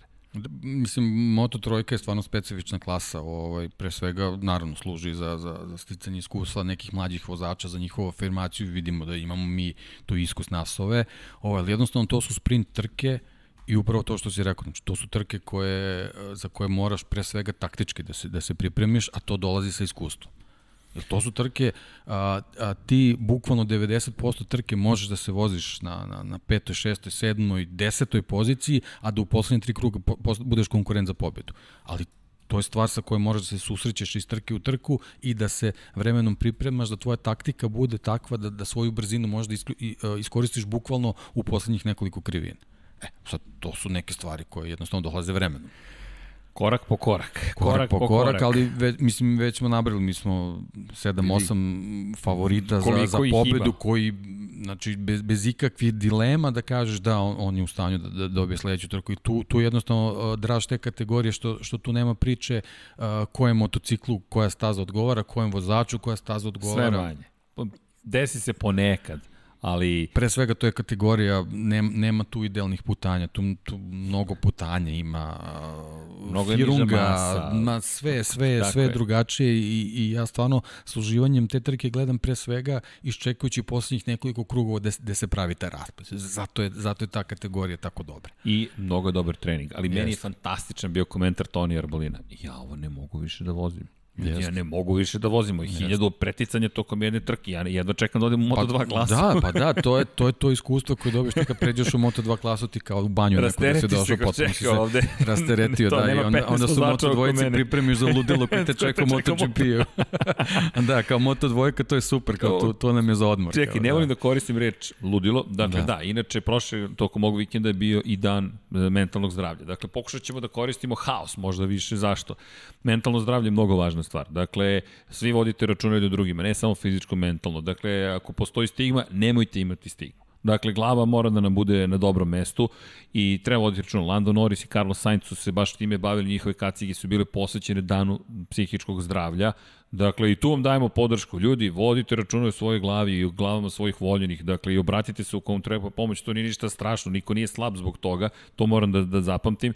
I, i, i jeste, ali jeste haos. Dakle, ne, ajde možda bolje reč koju treba koristim. Ludilo prosto, to čak i neki lekari su zamolili. Dajte neki drugi termin. Ok, trudit ćemo se, ali eto, imate podršku s naše strane. Ako mi kad treba podrška, idite i pričajte s nekim ako treba. To su normalne stvari. Nemojte uopšte da brinete. Vozači te kako pričaju pričaju često sa mnogima, što me dovodi do, kada govorimo o haosu, do sledeće teme, Moto E klasa. Dakle, u dolasku u Francusku znali smo da će biti dramatično ali prva trka od dve završne Moto E kategorije, električnih motora, eto imamo i tu kategoriju, Moto E klasa, Energika je u pitanju proizvođač motora. Samo jedan proizvođač motora. Michelinove gume i timovi... Koji je najavio da nastavlja saradnju. Ko, da, da, to, baš, da. To, je, to im je ključno da, da, za taj šampionat, da, da, da. Dakle, razvoj guma, mi se nadamo naredne godine stiže nova verzija zapravo Energike. Govorimo o motorima koji trenutno postižu vremena slična moto trojkama. Snaga je veća, ali masa takođe daleko veća. 210 kg skoro imaju motori bez vozača. Govorimo o tehnologiji koja se razvija, koja stiže, prosto to je priroda stvari i čini se da će biti više krugova narednih godina, to pa, je naredne godine. Mislim, njima je fokus na, na smanjenju mase i, i povećanju kapaciteta baterije. Mislim, to je ono, logičan razvoj za, dve, za svaki segment je. električnih vozila, tako da to je nešto što ih očekuje. Mislim, nisu malo ulaganja, ali ovaj, mislim da, da, da im je ova sezona pokazala da, da, da šampionat može da bude jako zanimljiv ovaj, iz te perspektive da, da se dobiju neke bolje performanse motocikala. Da, i kada govorimo i o Michelinu i o Energiki, dakle, oni će nastaviti 107 kW otprilike neka snaga, dakle govorimo o maksimalnom brzini oko 200, 245 km na čas, inače da, 210 nisam lepo rekao, to su moto dvojke s vozačima, 245, 250 kg je masa motora, dakle 100 kg više imaju odnosu na Moto Grand Prix klasu. Ali ovo što si rekao, dva cilja vrlo to jednostavno. Je, da, da, to, to, je, to je ono što, što se ovaj, u nekoj budućnosti očekuje i mislim obe stvari su vezane za, za bateriju. Jesu. Tako da to je sad neki prioritet. Povećavate se kapacitet, raste masa. Tako sad kako da smanjimo masu, tako povećamo tako kapacitet? Pa dobro, oni imaju već već sigurno ne, neka imaju. iskustva, jel, jel to su stvari koje se i u drugim automoto kategorijama Formula E. Razvije, tako da Formula E je u stvari najbolji, najbolji put, to jest kompanije koje se bave tim razvojem su, pokazuju kako to treba da ide, tako da sad je, s obzirom da je Energica pokazala da, da želi da nastavi saradnju, znači verovatno su već u nekim ozbiljnim ovaj, pripremama da već sledeće godine dobijemo nešto, Vidi. neko, neko ozbiljnije poboljšanje. Ne samo ne, neke, neke sitne stvari, nego neko, neko ozbiljnije poboljšanje. Pa to je trebalo već ove godine da se desi, međutim COVID je sve promenio, rekli su ajmo da smanjimo troškovi, da se držimo ove verzije motocikla koje imamo. Do kraja 2022. je potpisan ugovor sa Energikom, dakle još dve godine će se nam devati da. svetsko prvenstvo i iz perspektive te kompanije veoma značajno. Ovo su trke, to ste na granici, to je jedan od, jedan od, od da kažemo, zvanični smisao automoto sporta, osim čiste strasti i potrošnje novca, jeste razvoj. Ali to zaista možete da dobijete. Energika, s druge strane, ta, strateški kada gledamo, zauzet će vrlo ozbiljnu poziciju na pa globalnom pa ona, nivou. Ona da, svojim, svojim tim pionirskim nastupom, angažovanju u MotoGP šampionatu generalno može da, da, da napravi ovaj veliki iskorak pre svega zbog svog rejtinga jer, se, jer dolazi u, u kategoriju gde postoje neke već mnogo poznatije marke, tako da mislim da imaju dobru strategiju, sad vidjet ćemo samo kuda to ovaj, vodi pre svega zato što mislim sigurno su velika ulaganja, naravno zbog cele ove situacije to sad ovaj, dovodi do nekih raznih problema gde, ni, gde nije ni dovoljna dobra volja za neke stvari. Tako da, dobru volju imaju definitivno, imaju. to je, i to je sjajno, mislim, motocikli super izgledaju i sve, sve, sve, sve je profesionalno. Sve to, to profesionalno je, sad samo tu su neke stvari na koje ni oni ne mogu da utiču, pa samo možemo da držimo pesnice da, da, da, da će to moći da se nastavi u tom smeru kako su oni planirali. Ali šta je dobila Energika? Šta smo svi dobili? Dobila je fantastične trke. Jordi Torres, Jordi Torres zapravo Jordi, novi da. šampion, zabeležio prvu pobedu u karijeri na prvoj trci u Francuskoj, koja je dva puta startovala. Uradio što je trebao da uradi. Ostao na točku ime. da, da, da, da. Mateo Ferrari je pao. Prvo je pao, dakle, gleda Matija Casadei. Prvi pada.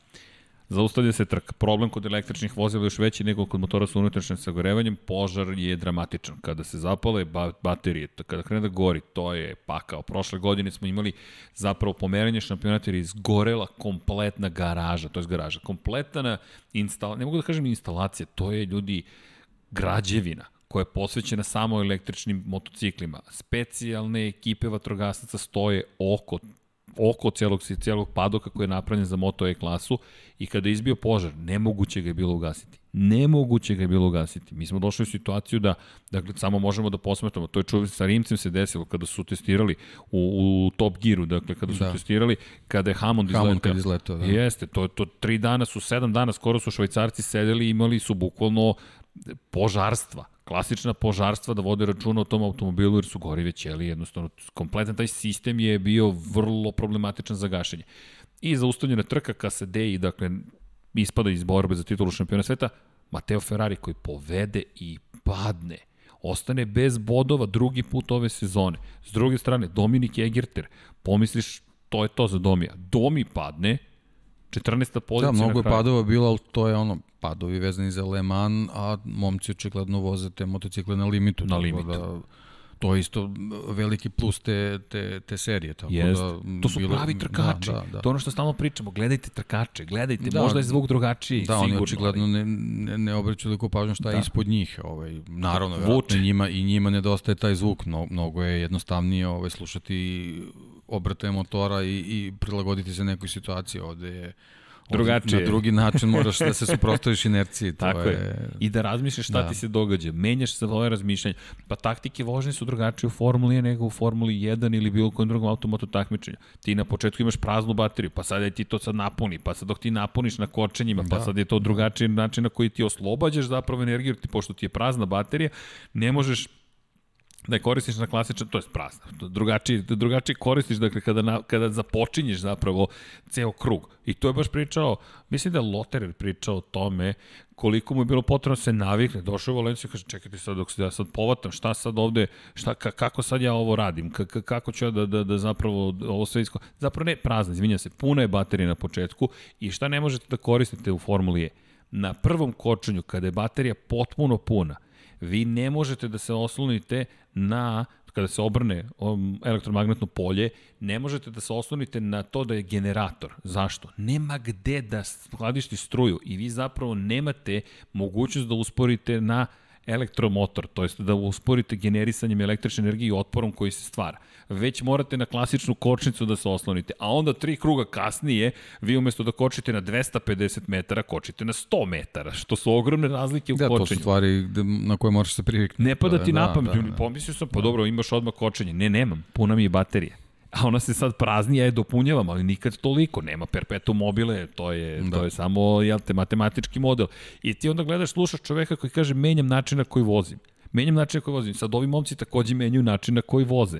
Kod njih je drugačija još uvijek situacija, jer je i mlađi šampionat. Međutim, Jordi Torres je sve to iskoristio da zabeleži prvu pobedu u karijeri i poveća, pre, dođe do prednosti u šampionatu da, i onda na kraju da, je, da, da, to je ključna stvar bila ta pobeda. Fantazija. Je, da, da. Ali fantazija kako je, kako je izgledala ta trka. Sad, neko slavi, neko plače, neko će reći, aha, da, da me nisu izbacili možda Dominik Egerte sa prethodne trke, ali nije čak Domi to ni rekao. Čestito je pobednik koji idemo dalje. Mike Di Melio, zapravo Di Meglio, kako bi trebalo da ga izgovaram, dve druge pozicije u Francuskoj, baš se borio u prvoj trci i u drugoj trci, niko nije mogao da dođe da pobedi. Svetski šampion iz 2008. u 125 kubika i Niki Tuli, to je bilo super videti. Niki Jest. Tuli, kandidat za titulu prošle godine, koji je počeo pobedom i nekako nestao, evo ga Finac. Da, čisto je to za kraj, malo da, da pokažemo me tu sam. To, to, da, to, da, da. Pa ne, mislim, bilo je stvarno, ovaj, bile su zanimljive trke, samo, eto, kažem, moraju, moraju još malo da, da, da porade na tome, da, da, da, da bude ovaj, uh, atraktivnije što se tiče samog motocikla i moraju da privuku još neku zvezdu u šampionat, u šampionat i bit će to bolje. Svi mi gledamo da, ko će biti prvi bolje, da, od zvučnih ovaj, Eto, srećem sve je dobro po, prošlo, to što kažeš, mislim, mora da se reši ti problemi sa tim požarima i ali to je jednostavno to je neizbežno, mislim, A, to vidi. je, da. Ajmo da se vratimo da, u prošlost. vidimo, vidimo i Formula 1 kako je ono kako duđu automobili u bok, stavljaju se gumene rukavice. Tako Sve je. to neke stvari na koje moramo se naviknemo, nažalost to je nažalost.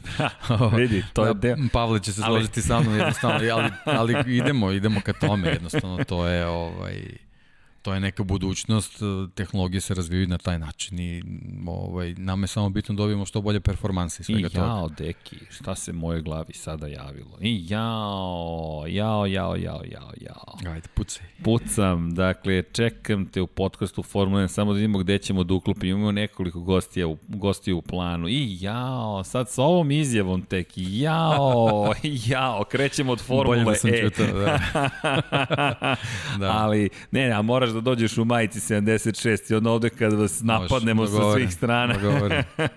no, moramo, ne, moramo još boje da nabavimo. E da ljudi, završavamo sajt, dakle, ubrzano do kraja nedelje će biti gotov, pa ćete moći da naručite majice. Hvala, hvala za interesovanje, hvala za podršku svakako će nam biti i jeste potrebna.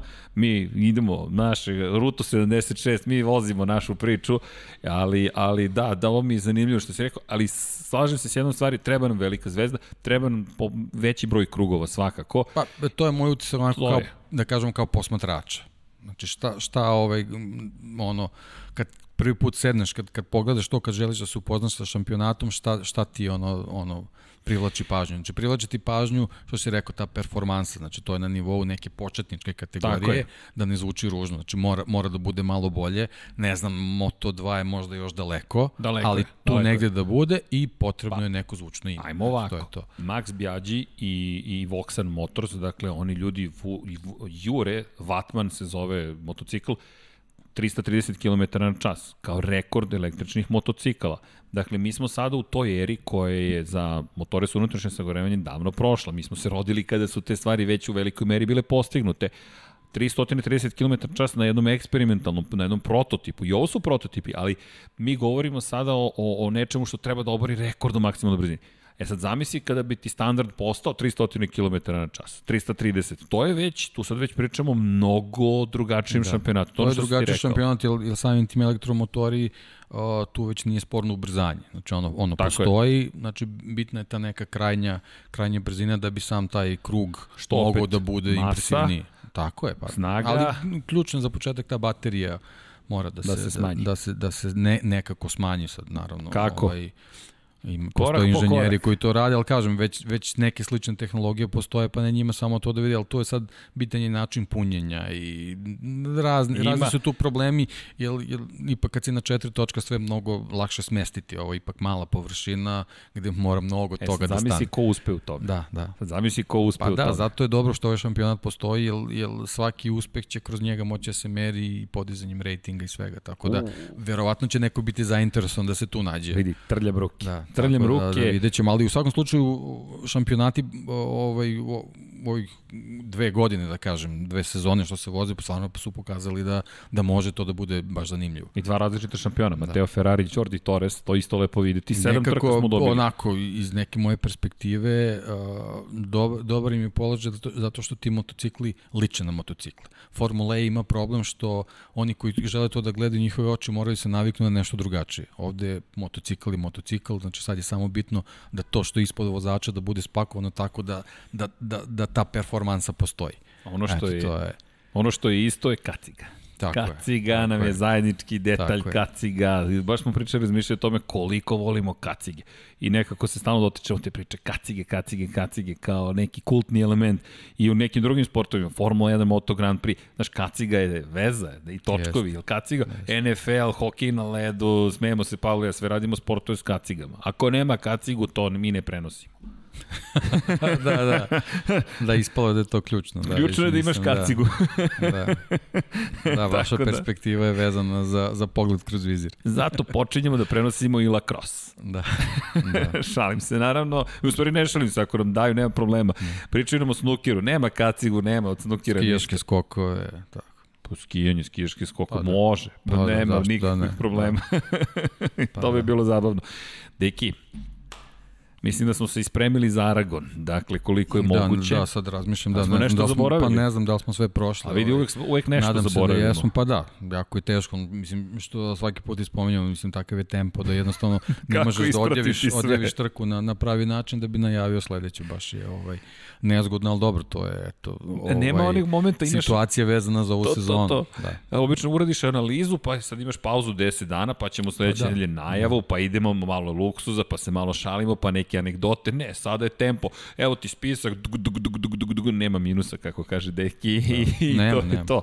Da, da. Ne obaziremo se na minus. Znaš šta ćemo samo da, da vratimo? To, to moramo da uradimo. Ne znam kako ću vratiti. Ćemo tri sata da trajemo. Dom Pablo već me gleda pažljivo, ali nikako ne stižemo, izvinjavam se, ne stižemo da odgovorimo na pitanja. Često ih iskoristimo za neke teme, upotrebimo, odgovorimo kada stignemo. Trudimo se da odgovorimo na sva pitanja dakle, na samom YouTube-u, ko je na YouTube-u, dakle, tu, to mi je najbrži način da komunicirate sa nama. Ko nije, eto, pozivam vas, dakle, ostavite komentare, trudimo se zaista da odgovorimo na, na svaki komentar, Vanja i ja smo ti koji su tamo, uglavnom, zaduženi za pisanje, ali e, ubacit ćemo i druge, evo, gledam ih. U svakom slučaju, činjenice da, da ćemo uvesti i odgovore tokom same emisije, pa ćemo, dakle, potruditi se da, da, da, da još više komuniciramo, to nam je najvažnije. Dakle, družimo se, uživamo i, i lepo Tako nam je. Deki, šta ti kažem? Hvala. Kao i uvek. Evo ga fist bump, boom. I da naravno najavim šta? Pa najavim veliku nagradu Aragona. Ove nedelje se fokusiramo na to. Kada je reč o Naskaru, to smo već najavili, ali pratite, to je isto sjajan šampionat. Međutim, fokusiramo se sada na motocikle. Nema više moto je klase. Dobili smo prvog šampiona Jordi Torresa. Čekamo prvo od poslednjih pet trka, veliku nagradu Aragona i vidimo se naravno za Lab 76 u ovoj postavi. Ko zna ko će biti sa leve strane, broj 41. Ćao svima!